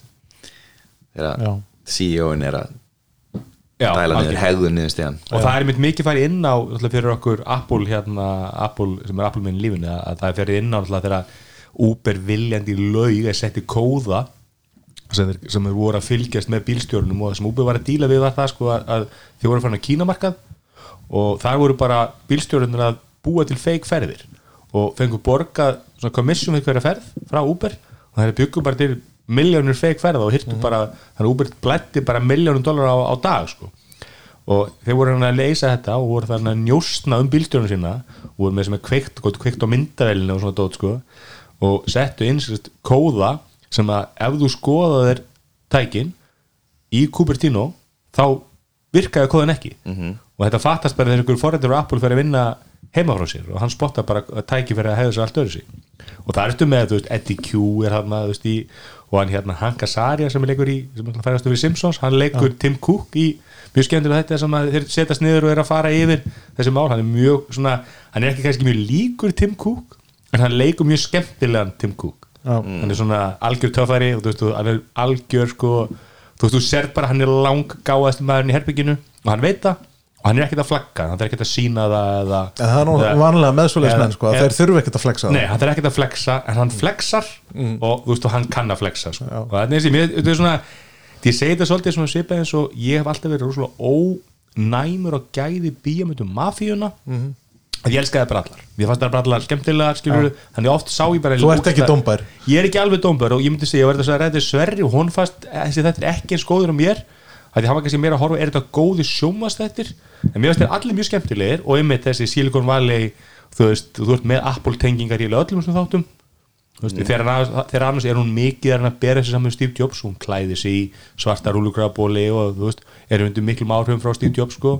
Sest að vera, og ha, hann langar í rauninni allt þetta að finna eitthvað upp og svo leiðis en hún nennir bara ekki að finna eitthvað upp sko. Hún, bara, hún bara feikar það frekar sko. Hún vill ekki gera vinnuna og lendir kannski svolítið í þú veist, þetta er kannski til að vera sangjarn hún lendir svolítið í aðstæðum þar sem að veist, eina, eina skrefið er bara að segja við getum ekki bú, búið til þess að bara það sem vita ekki þá sérst, þegar hann ætlaði að búið til tækni þar sem hún tekur einn blóð dropa blóði og getur gett alls konar greiningar einhver 600 mismöndu próf út úr því út úr einu blóðdropa. blóðdropa. Og vísindamenn segja bara strax hún hérna, mann ekki hvað leikur heitir sem leikur sýstirina í í gömlu hérna uh, hvað heitir hérna Rósan, þess að þú leikur sýstir Rósan í Rósan þáttunum, hún leikur einhver doktor sem er kennari í Stanford held ég sem að hún Elisabeth Holmes var í sem er doktor í þessum fræðum. Hún segir bara þetta er ekki hægt. Já. bara eðlist fræðilega segir þetta ekki hægt. Þú þarf meira, meira, me- meira af, af pröfum. Já, þetta gengur út, þú ert að blanda alls í blóði og þá ert að, þá ert að þú veist,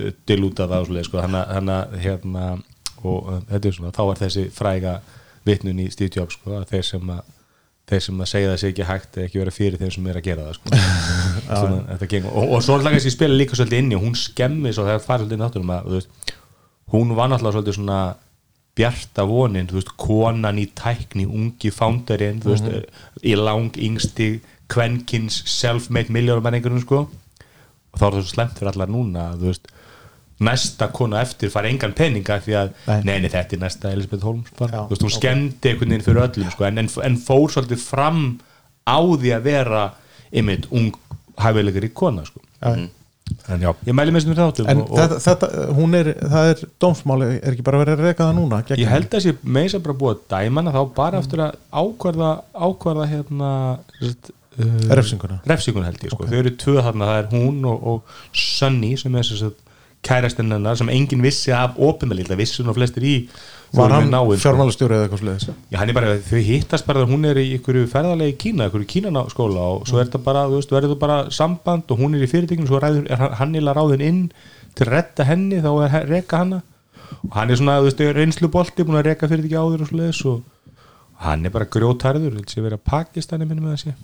Og hann er uh, mjög skemmtileg gardi átunum og, og já, ef að maður velja að horfa á, á, á takni þætti og ég tók svo í, að ég var svo pumped up á allir þáttum og tók ég frábæra þætti sem komi fyrir svona tveimur árum sem heita The Valley of the Boom um hvernig vafrætnir eru til og hérna eru virk, virkilega skemmtilega Ert þú búin að vera heim með COVID eða eitthvað sluðis? Ég fekk influensu.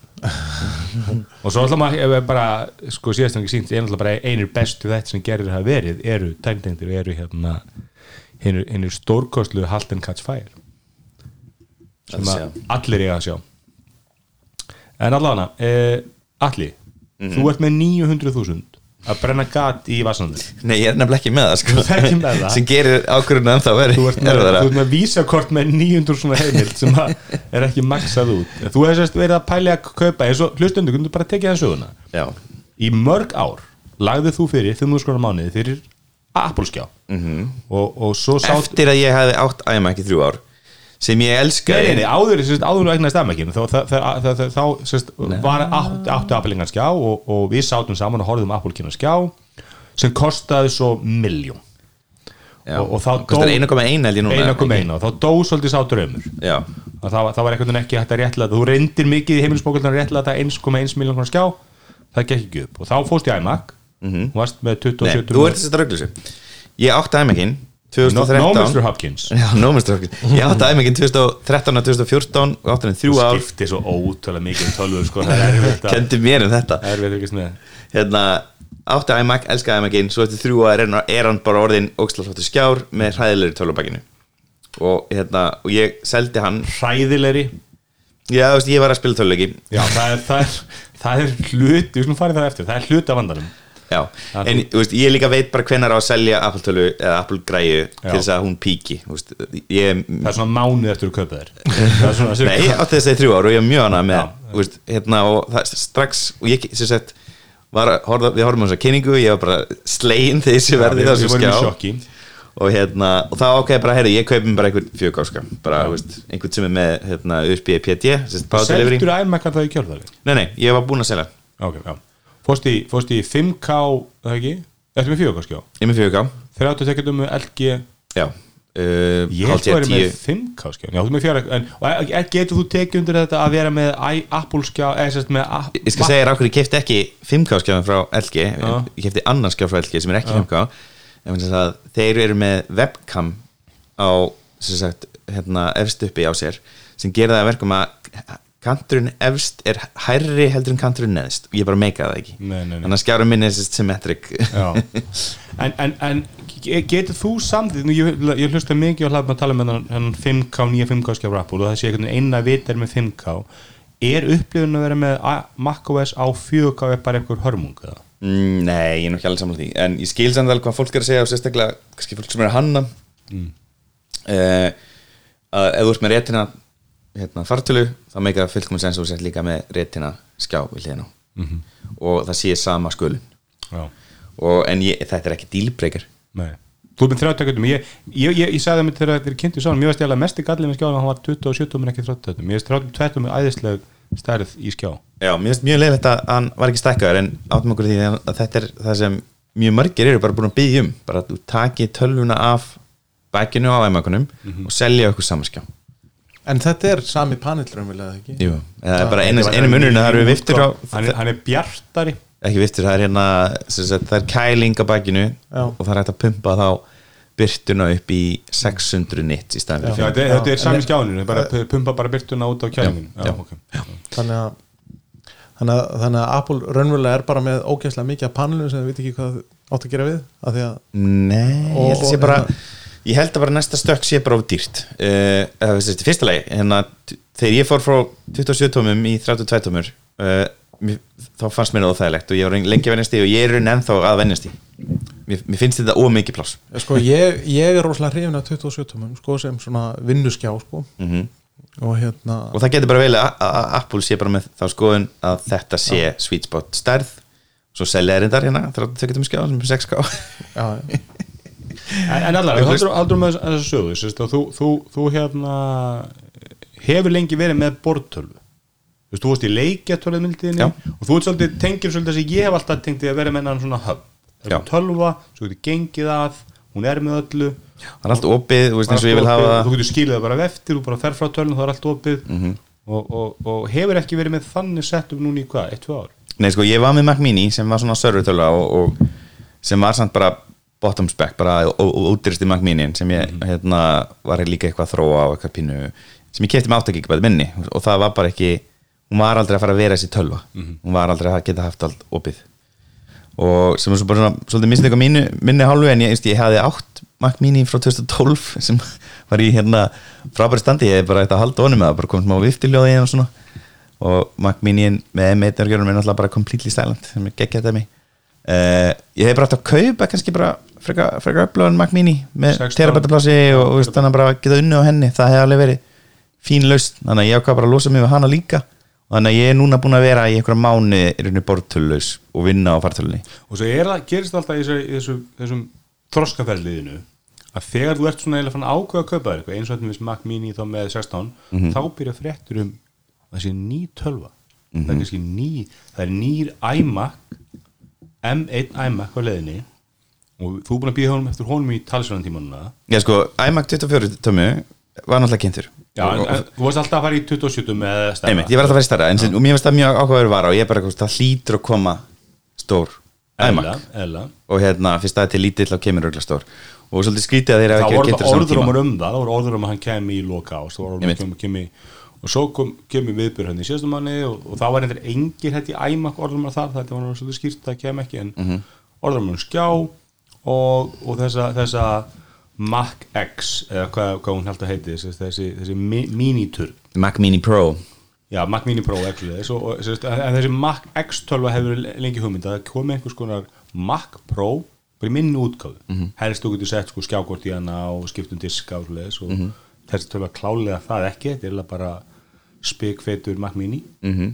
og höfða til þín Já, sko, það hefði tíminn að fara eftir í bortölu uh, hvort að þetta sé hún Vist, ég hefði vilja ég hefði vilja hafa hana bara á bakinu á, á, á hérna skjá. Og það er eina það sem fyndi að það vantar rosalega lítið í skjáin til þess að hann sé tölva já, samt ekki, minna, kælingin eins og er núna er valla að ná að sinna þessum 600 neitt sko.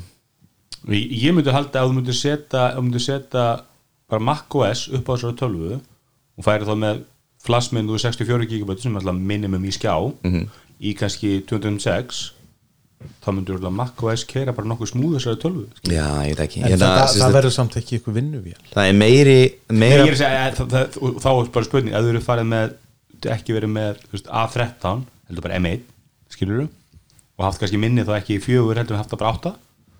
Og það, þá, hvað, hvað hefur hvað hefur það kostað í ílutum kannski 100 dólar eitthvað. Ég veit ekki. Uh, hönnun náttúrulega skipt líkilmáli og, og hugbúnaður hugbúnaðþrónin uh, það er búið að taka þessu undur hérna svona skjá hjá iFixit og það er meiri tölva í þessum skjá heldur en er í iMac 24 mm ég, er, ég er að þú veist að þetta er bara spurning að Hvað er örgjörum var, var A13 en ekki, ekki M- M1 og, örg, og ég veit ekki hvort að M1 þurfi eitthvað miklu meiri kælingu heldur en A13 þú veist. Ég veit ekki. A13 þarf kælingu líka. Og það er ekkert mál að hafa flassminnið 512 heldur en 64 skil, það er bara spurning um annan, annan kaup. Og það er ekkert mál að hafa minnið, vinsluminnið meira en fjögur. Að- en, en, en Apple náttúrulega notaði bara að chipa þessi reyga en, það, en það er rosalega lítið þarna sem vantur upp að það yrði bara æma já, já, einmitt. Að hérna að en, þessi geti verið iMac með viftum, já það en, svo, en svo hefur þetta skjári kannski sem er líka að valda til svona uh, þú sefur út af þessu.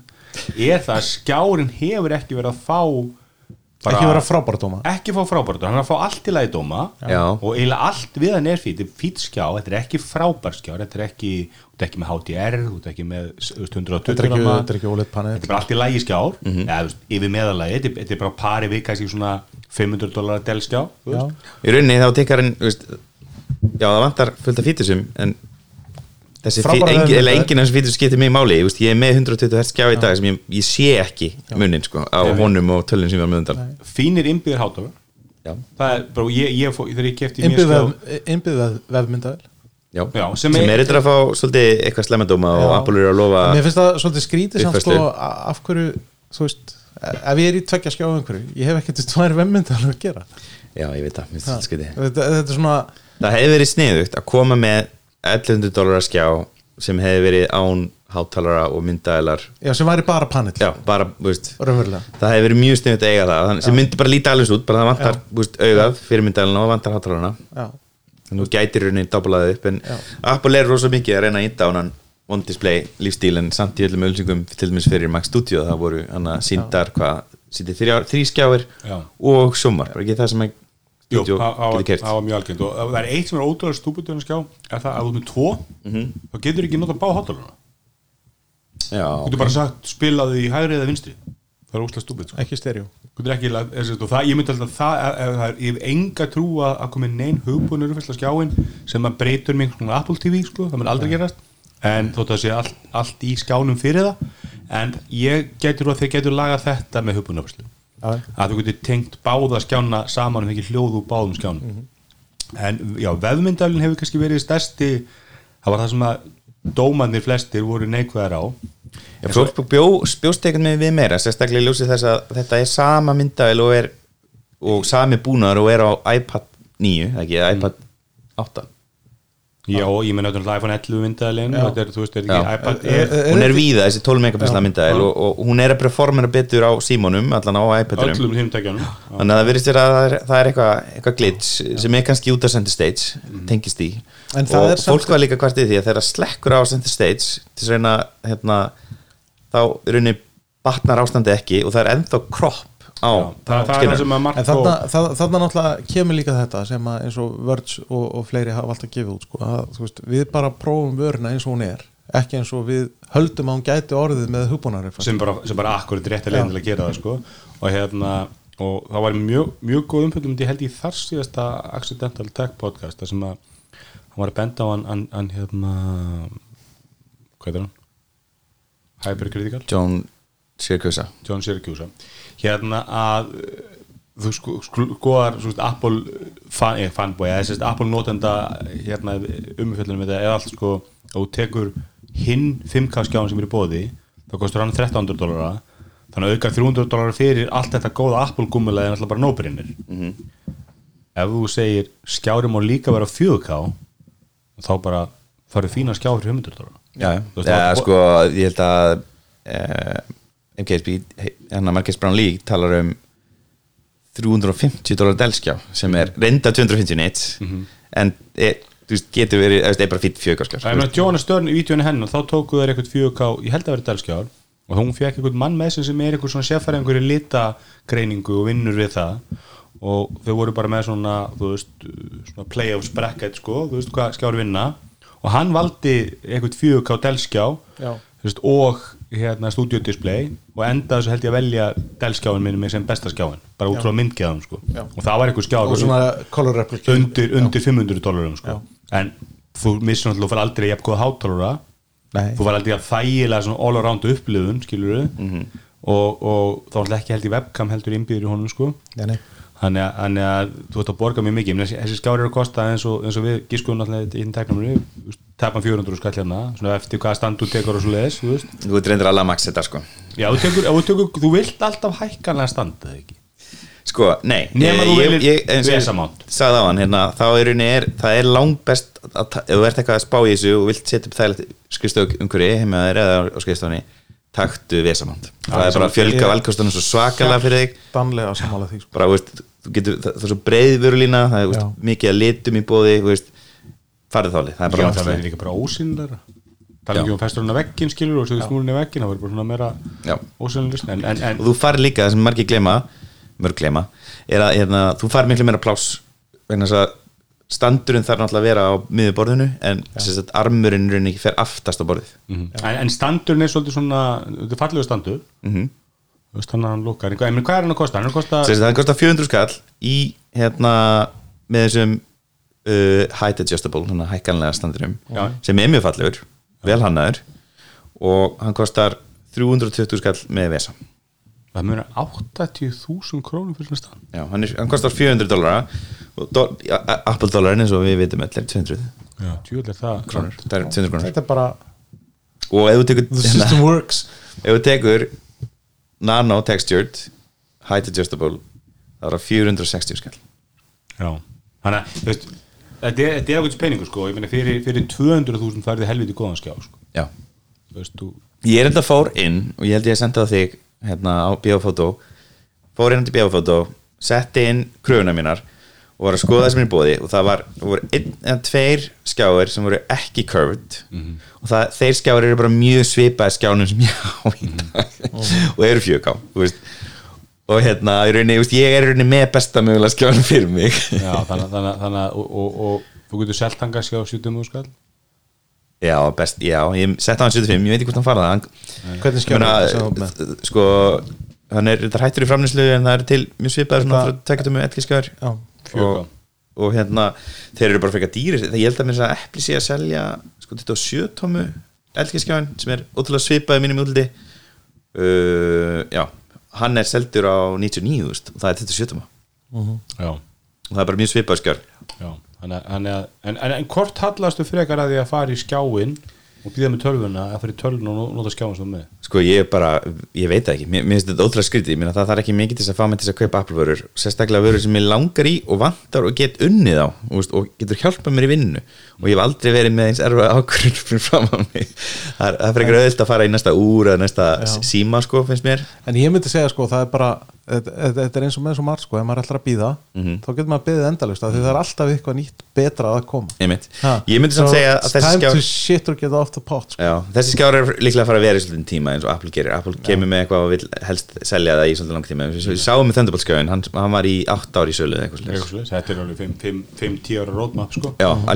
Skipt út, þú veist, uppfært panelin kannski en þú veist, en öðru leiti er þetta þessi skjápa að vera að vera sko. Það er verið að tala um að það komi kannski refresh á XDR skjáin Pro Display XDR uh, og það, ég veit ekki hvort að það muni breyta verðinu á honum eitthvað mikið en þegar þú komin upp í 400 sko, kall fyrir hérna þennaskjá og það er rosalega stutt upp í þessu en það er líka orður um að hann verði ódyrri Já. það, komi komi svona 4000 dólara XDR Pro skjá sko. Sko, money no issue um, Sko, ég myndi svolítið hallast að því að fara í hérna, studio display frekar heldur en í XDR skjáin því að það er hátalari og myndavel sem leysir og mic sem, er, sem leysir svolítið mikið fyrir mig. Ég myndi ekki vilja hafa þessa Logitech myndavela núna. Það, veist, það er því, meira sem, þetta er kompakt því færri snúrur sem ég geti verið með á borðinu mínu því betra fyrir mér. Já. og svo náttúrulega í þessum samabyrði þá náttúrulega má ekki glema því að þetta er rosalega fallegu skjár sem, og það er ekki tilnett sem er kemst nált þessu að mínum mati. Nei og ég meina það sem þú ert að bera þetta saman antala er allt úr plasti og þú veist, að það ertu með sko full metal jacket og, og gler panel og þessast Mhm. yfir skjánum og að þetta er kannski ekki, ekki líka sangjart samverð til leita, þetta er ekki þú ert ekki bara saman epli og epli sko. En, en en svo alltaf hefur tölvan fengið bara, hún myndi ég segja hafi fengið alveg bara frábæra dóm og það mér finna Já. tölum það, það var mjög sérstök vörds engun, hún fekk þetta í 8 af 10 engun og vörd Já, og ég horfði bæði á vídeo og las umfjöllunina. Og umfjöllun er eiginlega bara algjör lofrað. Já. bara veist, þeir, fara með mjög skemmtileg þeir fara á, sem sagt, tala við alla fagmennina í, í, í Words teiminu sem er að klippa vídeo og gera fótur. Og allir voru bara þetta er stórkostlega tölva, bara hún er frábær. Hún er algjörlega hljóðlát, hún er ógeðslega öflug, allt sé í hendin og bara fáralega gott sko og hún er miklu ódýrir heldur hérna Mac Studio nei hérna Mac Pro-in sem við erum með hérna. Kostar helmingina því, fúli spekkuð og maður var bara svona ég, og svo, svo kom eitthvað eina sem var þeir voru neikvæðir á. Það var það að hún er ekki eins öflug í tölvuleiki eins og Apple gaf í skín -hmm. þeir sögðu gaf í skín og hún væri öflugri heldur um 30-90 ekki, ekki töluleiki bara í performance í performance já. meðað við 200 vött mm -hmm. Málið það að 30-90 fer upp í 400 eitthvað vött þegar hún maxar það og þá er aflmunurinn sko mjög mikill. Mm -hmm. það er miklu miklu öflugur skjákort þetta er náttúrulega skjákortið í, í, í hérna Mac Studio. Þannig að kannski að það var ósangjart samabur þetta er, er sem þú segja sko bíli minn er jafn hræður og, og Lamborghini þurfum bæða 100 en Lamborghini fyrir bara upp í 500 eða 400 þú veist það, það gefur bara í vott skilur það var enda ég meina þessi 400 vött þú veist það er meira heldur en allt heldar aflið í Mac Studio sko. svo kannski eitt með skjáin sem hefur verið umdilt að það er það að snúran er först eða þess að hún er ekki Nýlega Petel var nú aðeins að bera þetta tilbaka og hérna, ég meðlum með að hlusta á að hann, hann er bara hlægir að því hvað internetið brást illa við þessar áfestri snúru og þau voru ítrekka að taka sína skjáði, testkana sína úr sambandi Já, það voru reviewað og það var ekkert viss Apple, Apple, Apple segir bara hún er ekki user replaceable Já. og þeir segja ástæðan því þú þarft ákveðin tól til Mhm. að taka snúrun úr en, en ég með svona vídeo ég svo orðið eitthvað svona Linus Tech Tips tóku bara og þeir reyfa hana svo hún er svona þú veist, þú, hún, hann svignar svolítið skjárin og það svona, þetta virkar ekki eins og eigir að taka hana Mhm. en auðvitað er það mikill ko- ókostur að geta ekki tekið snúrun ég, ég er sjálfur með skjá mántaðan á vegg með vesa Mhm. og ég er með, ska, ég er með snúru sérst, ég er með, með stokkin í vegnum fyrir snúruna og ég hef ekki getað keft hennar skjá af því að ég þurfti að koma með miklu lengri snúru af því að snúran sem fylgdi með hjá mér þannig að það er bara verið no, og þetta með þetta er úslega stúpid Já, sérst er að það. Apple kynnti fáralega góða löst á snúru á skjá í iMac-an Mhm. -hmm. þannig að þetta mjög stúpid sko, það skiptir kannski ekkit alla öllu máli en Í mínu til ekki skiptir þetta eiginlega engum máli ég mann þú sendir þetta á mjög heldur þú snemma myndir ná ef þú ert með vesamánt og svo leiðis, þú getur ekki lendið að snúru væri mjög stutt Nei, ég er með brakka undir borðinu mínu já, já. þeir eru vantilega ágætilega löng snúra myndi maður halda sko Já, en veistu hvað er ekki langt? Thunderbolt-stúrar sem fylgir með til þess að tengja tölvuna já, hún er, hún er stuð Hún er 1 metr Nei, hún er undir 1 metr er ekki bara 80 cm Hún er 80 Já, cm já. Já. Það er allir að hvart yfir þessu þú veist, Sérstaklega þeir sem vilja kannski fá bortöluna hans frá eða mantana undir borðið en það er líka eitthvað sko með Thunderbolt snúrur að það er, að það er að vera mikið lengri sko þá verða þær svona unwieldy og Já, en það, það er bara þykjast og það eru dýrari Já, og það eru já. dýrari framlegar Já. ég kefti mjög dýra skúrin einmitt til að ég set snúrin inn í stokkin líka Já. til að hafa hana að, að ég vil geta tengt allar Thunderbolt tölvuna mínar við ef ég ætla að tengja við skjáin bara setja upp í hillu og það var einmitt, þá kynntist þess að það er dörrlu dýrt að kaupa langar Thunderbolt snúrur og ég veit hvað, að USB-C snúrur og það er einmitt algjörð shitshow af því að það er bara algjörlega hapa og glapa hvort að Thunderbolt skjáir hlaðið með USB-C snúrum sko. já ég Já. meina að það náttúrulega þarf að vera Thunderbolt eh, sko Ég, það, það, snúra- það, það er svona það sko, vera- þetta er ekki, en, en Thunderbolt er 100% sko, ég, þegar ég kefti Thunderbolt snúr, ég borga held ég sko 10-15 skall fyrir snúru sko, það er sko. Ha, ef hann er lengri þryggja metra snúra sko. já, þá, þá er það bara ódýrt þá bara þú vísar þú þú slást, sko. slást bara vel null út og null á mánuði Já, var bara mjög, ég er ennþá borgaður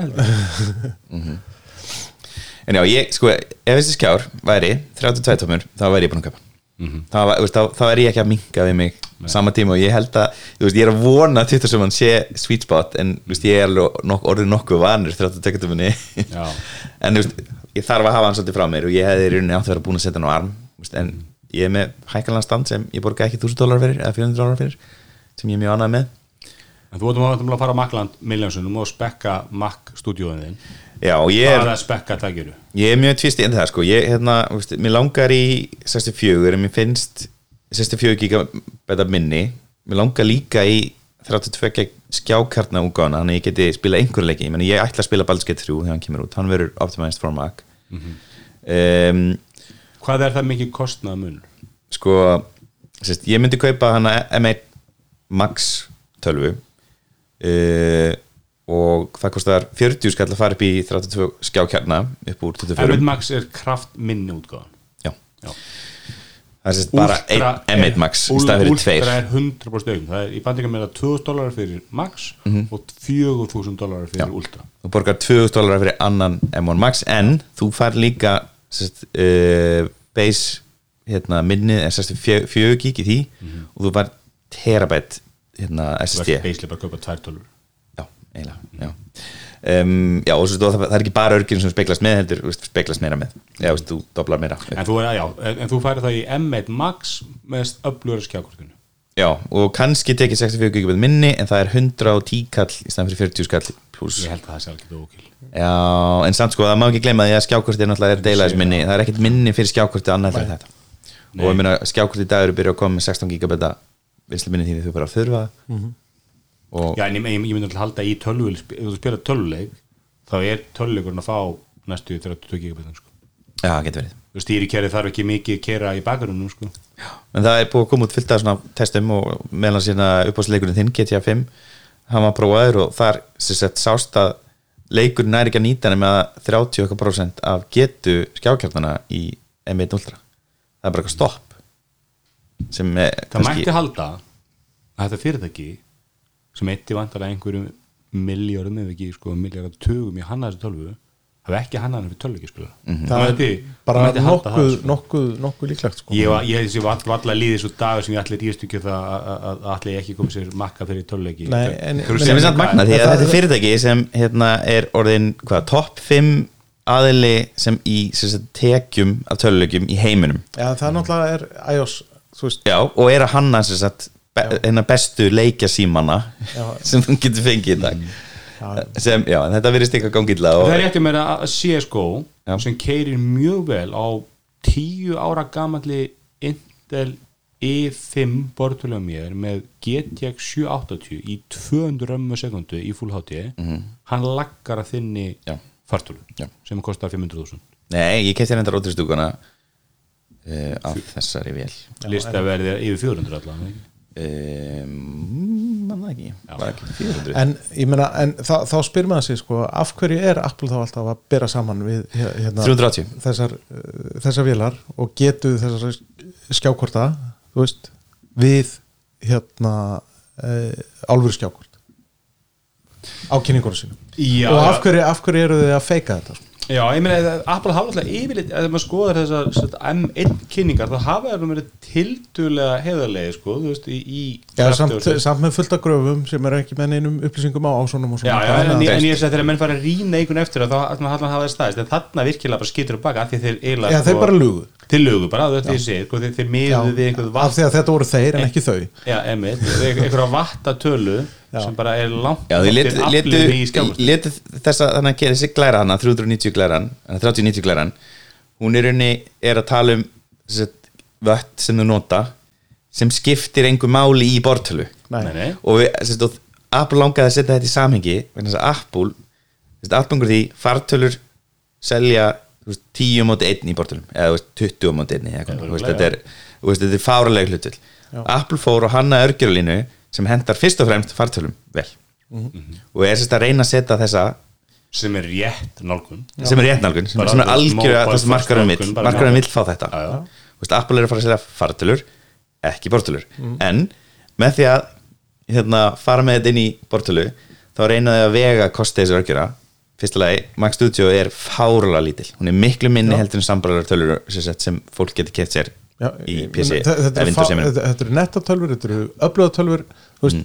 en þarna Og var, bara, þarna var bara einhver samanbyrju sem var bara algjör óþarfi að fara út í. Þetta skiptir einhver máli. Algjörlega Nei, og, og en- 30-90 en það er svo, er er auðvelt að nappa þig við ykkur ósanindi þarna. En, en, já, en, en, en þeim til varna, þá er þess að 3090 hvort er til í mismunandi útgáfum á móti mismundi aflgjöfum þannig að það er, er alveg að fá 3090 hvort eða 3080 hvort sem er í rauninni að nota þetta.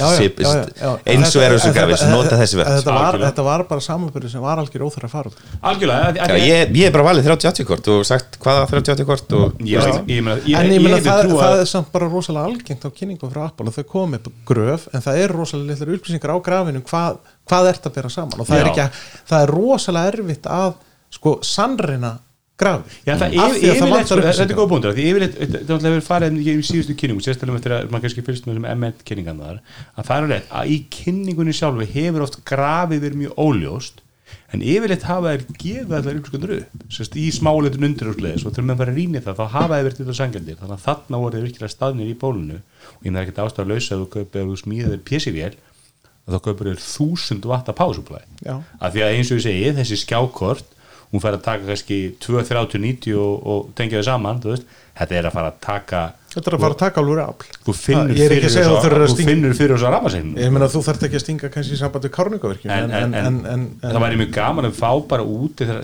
Apple er búin að greina hver er kuna hópurinn á þessari tölvu. Ég geti trú að jú, þetta eru- þessir al, almennt held ég að langstæsti hluti prónótandi er ekki Mac skilur ég meina í kvimdagerunum Linux er alls að ráðandi að þú ert að keira bara mikið þessari eftirvinnslu í risastórum bara hérna vinnusvæðum í Asíu mikið í Indlandi og svo leiðis og það er enginn að kaupa 5000 Mac Studio þar skilt út með einhver Linux með, með allir hugbúnað sem keira á er keirður á Linux. Bara því það getur byggt miklu miklu og öflöru vélar fyrir minni penning og hérna og það kom mér eiginlega mest óvart og ég, sko, ég var að, nú er ég að uppfæra bortölu mína, hvað sagt bara eins og ef ég kaupið mér bara Ryzen 7 hvað hann er orðin meina Ryzen 7 ja, A- nei, AMD, AMD að gera, er, er að gera miklu betur móti Já, Intel líka, ég meina Intel i7, 9, þú veistu Já. kaupið bara hérna 11. og 12. línuna að hann er miklu öflug Já, ég meina M1 var bara sparkið sem Intel þurfti Já, ég sést, sko ég fullir það sko Já, ég meina, Intel hefur engin sögur við að minnum, sko Nei, nei, ég meina þetta var bara sparkið sem Intel þurfti En- en það kom mér á óvart- og Intel er náttúrulega búið að ráða nýjan, nýjan fórstjóra eða réði nýjan Já, fórstjóra já, en, en, en, en þeir eru bara fastir inn í gömlum arkitektur sko. Já, já. en, en M1 er að bensa svona 15.000 þú veist, í, út frá cpubenchmark.net skilur sem er ekki óumdelt benchmark það er bara að tala en sérst, hérna, Ryzen 5 er að bensa 22.000 og Ryzen 7 er að bensa 28.000 sko. þú veist, og, það, og þú, þú, maður, ég er ekki með að skoða benchmarkin á stúdíu en hann er einhverstaðar þarna í, í kringu 30.000 myndi maður halda Já. þannig að þetta eru mjög öflugar tölfur í þælum umbúðum, en ég get alveg trú að og það er ekkit stór það er hluti ekkit dýra fyrir, kúnnahópuna þetta er ekki dýra vélar heldur fyrir það sem það eru sko. alls ekki, Nei, nei. alls, alls ekki og ég geti trú að stór hluti kunnum er líka bara svona En að ég kefti þessu tölva þegar mér að það er bortölu, vildi eitthvað litla þæla og á penning skilur bara, já, já, ég, meina, ég er með ráðstöðum til jör og, en, en þú veist er þú- ef sko. þú ert að- ef þú ert að leita tölvu bara til þess að skoða tölvpóstið þá er þetta svolítið svona ókil sko. Og ég tekur held bara að- Mac Mini og ég hefði með kannski sem virkar með sama skjá og gullfall líka. Ég geti líka bara til að stúdíu displayin sé frábæra vari fyrir Apple, ég geti trú að það mun seljast mjög vel, af því að það er svo margir búin að uppfæra tölvunar mm. fóru í M1 M- MacBook Air þegar hún kom og við erum kannski bara sáttu það eða fóru í M1 MacBook Pro síðasta haust búin að borga hana. Já, já, auka 1600 dólar að fara að vera, þú veist, þá er ég 40 prúnum næstu árin, sko. Já, ég held að þetta sé bara frábæri tímasending en, en, niðurstaðan að þessu heimsbygglu umræði þinni er þú veist ekkert gera. Nei, ég raun ekki. Já, að uh, ég, ég veist, ég held að sé þægilegt að þess að ég get auðvitað tekið ákvæmum að kaupa hana skjá með, með vesamant sem myndi ekki virka í setupum sem ég myndi mann með fyrir því Mm. að vera með PC leiki að bortólu að því að hann vinnur mjög illa með hann vinnur ekki með PC já, hann HDMI er issue þú veist, allt Ég er held svona leikjatengt tengt en ég held að það sé eitthvað með hátarði myndi ekki virka og ég myndi ekki spila með Nei, ég held að sé, og ég það er líka einhvern veginn hvernig hann vinnur myndina Mhm. hann er að gera það hann gera það verð í Windows og það er, það mæla ekki með þessum skjá fyrir Windows já, einmitt. Það er bara sláandi. Sem að nefnir þessu hinn skjári virkaði mjög vel Windows. Skamli hérna það hérna. Pro-display. Nei, ekki hann Thunderbolt. Thunderbolt display, hann virkaði bara með Windows og vildi að Pro display virki, virki, virki á allir Windows líka? Já, ég held að munni er að segja. Ok Jú, ég, finnst það spennandi tölva eh, en það geti verið kannski sniðut að býða og sjá hvað er þessi Mac Pro verði Ég, ég myndi alltaf segja við, verður bara með M1 eh, Mac Mini, 16 mm. minni og það er bara vinnuverliðin og verður svo bara með einhvern PC-durk sem bara ræðu allt og bara allir leikir kera 100% að- að- að- þetta er- þetta er plattformið sem allir leikir að framlegendur þróa og prófa og það er það er svo að köpa þér Já. en það er ekki eins, eins að ég skil kallarlega við það, það fyttar ekki eins vel í, vel í hérna, það er við sem er með tvær tölur og svo leiðis já.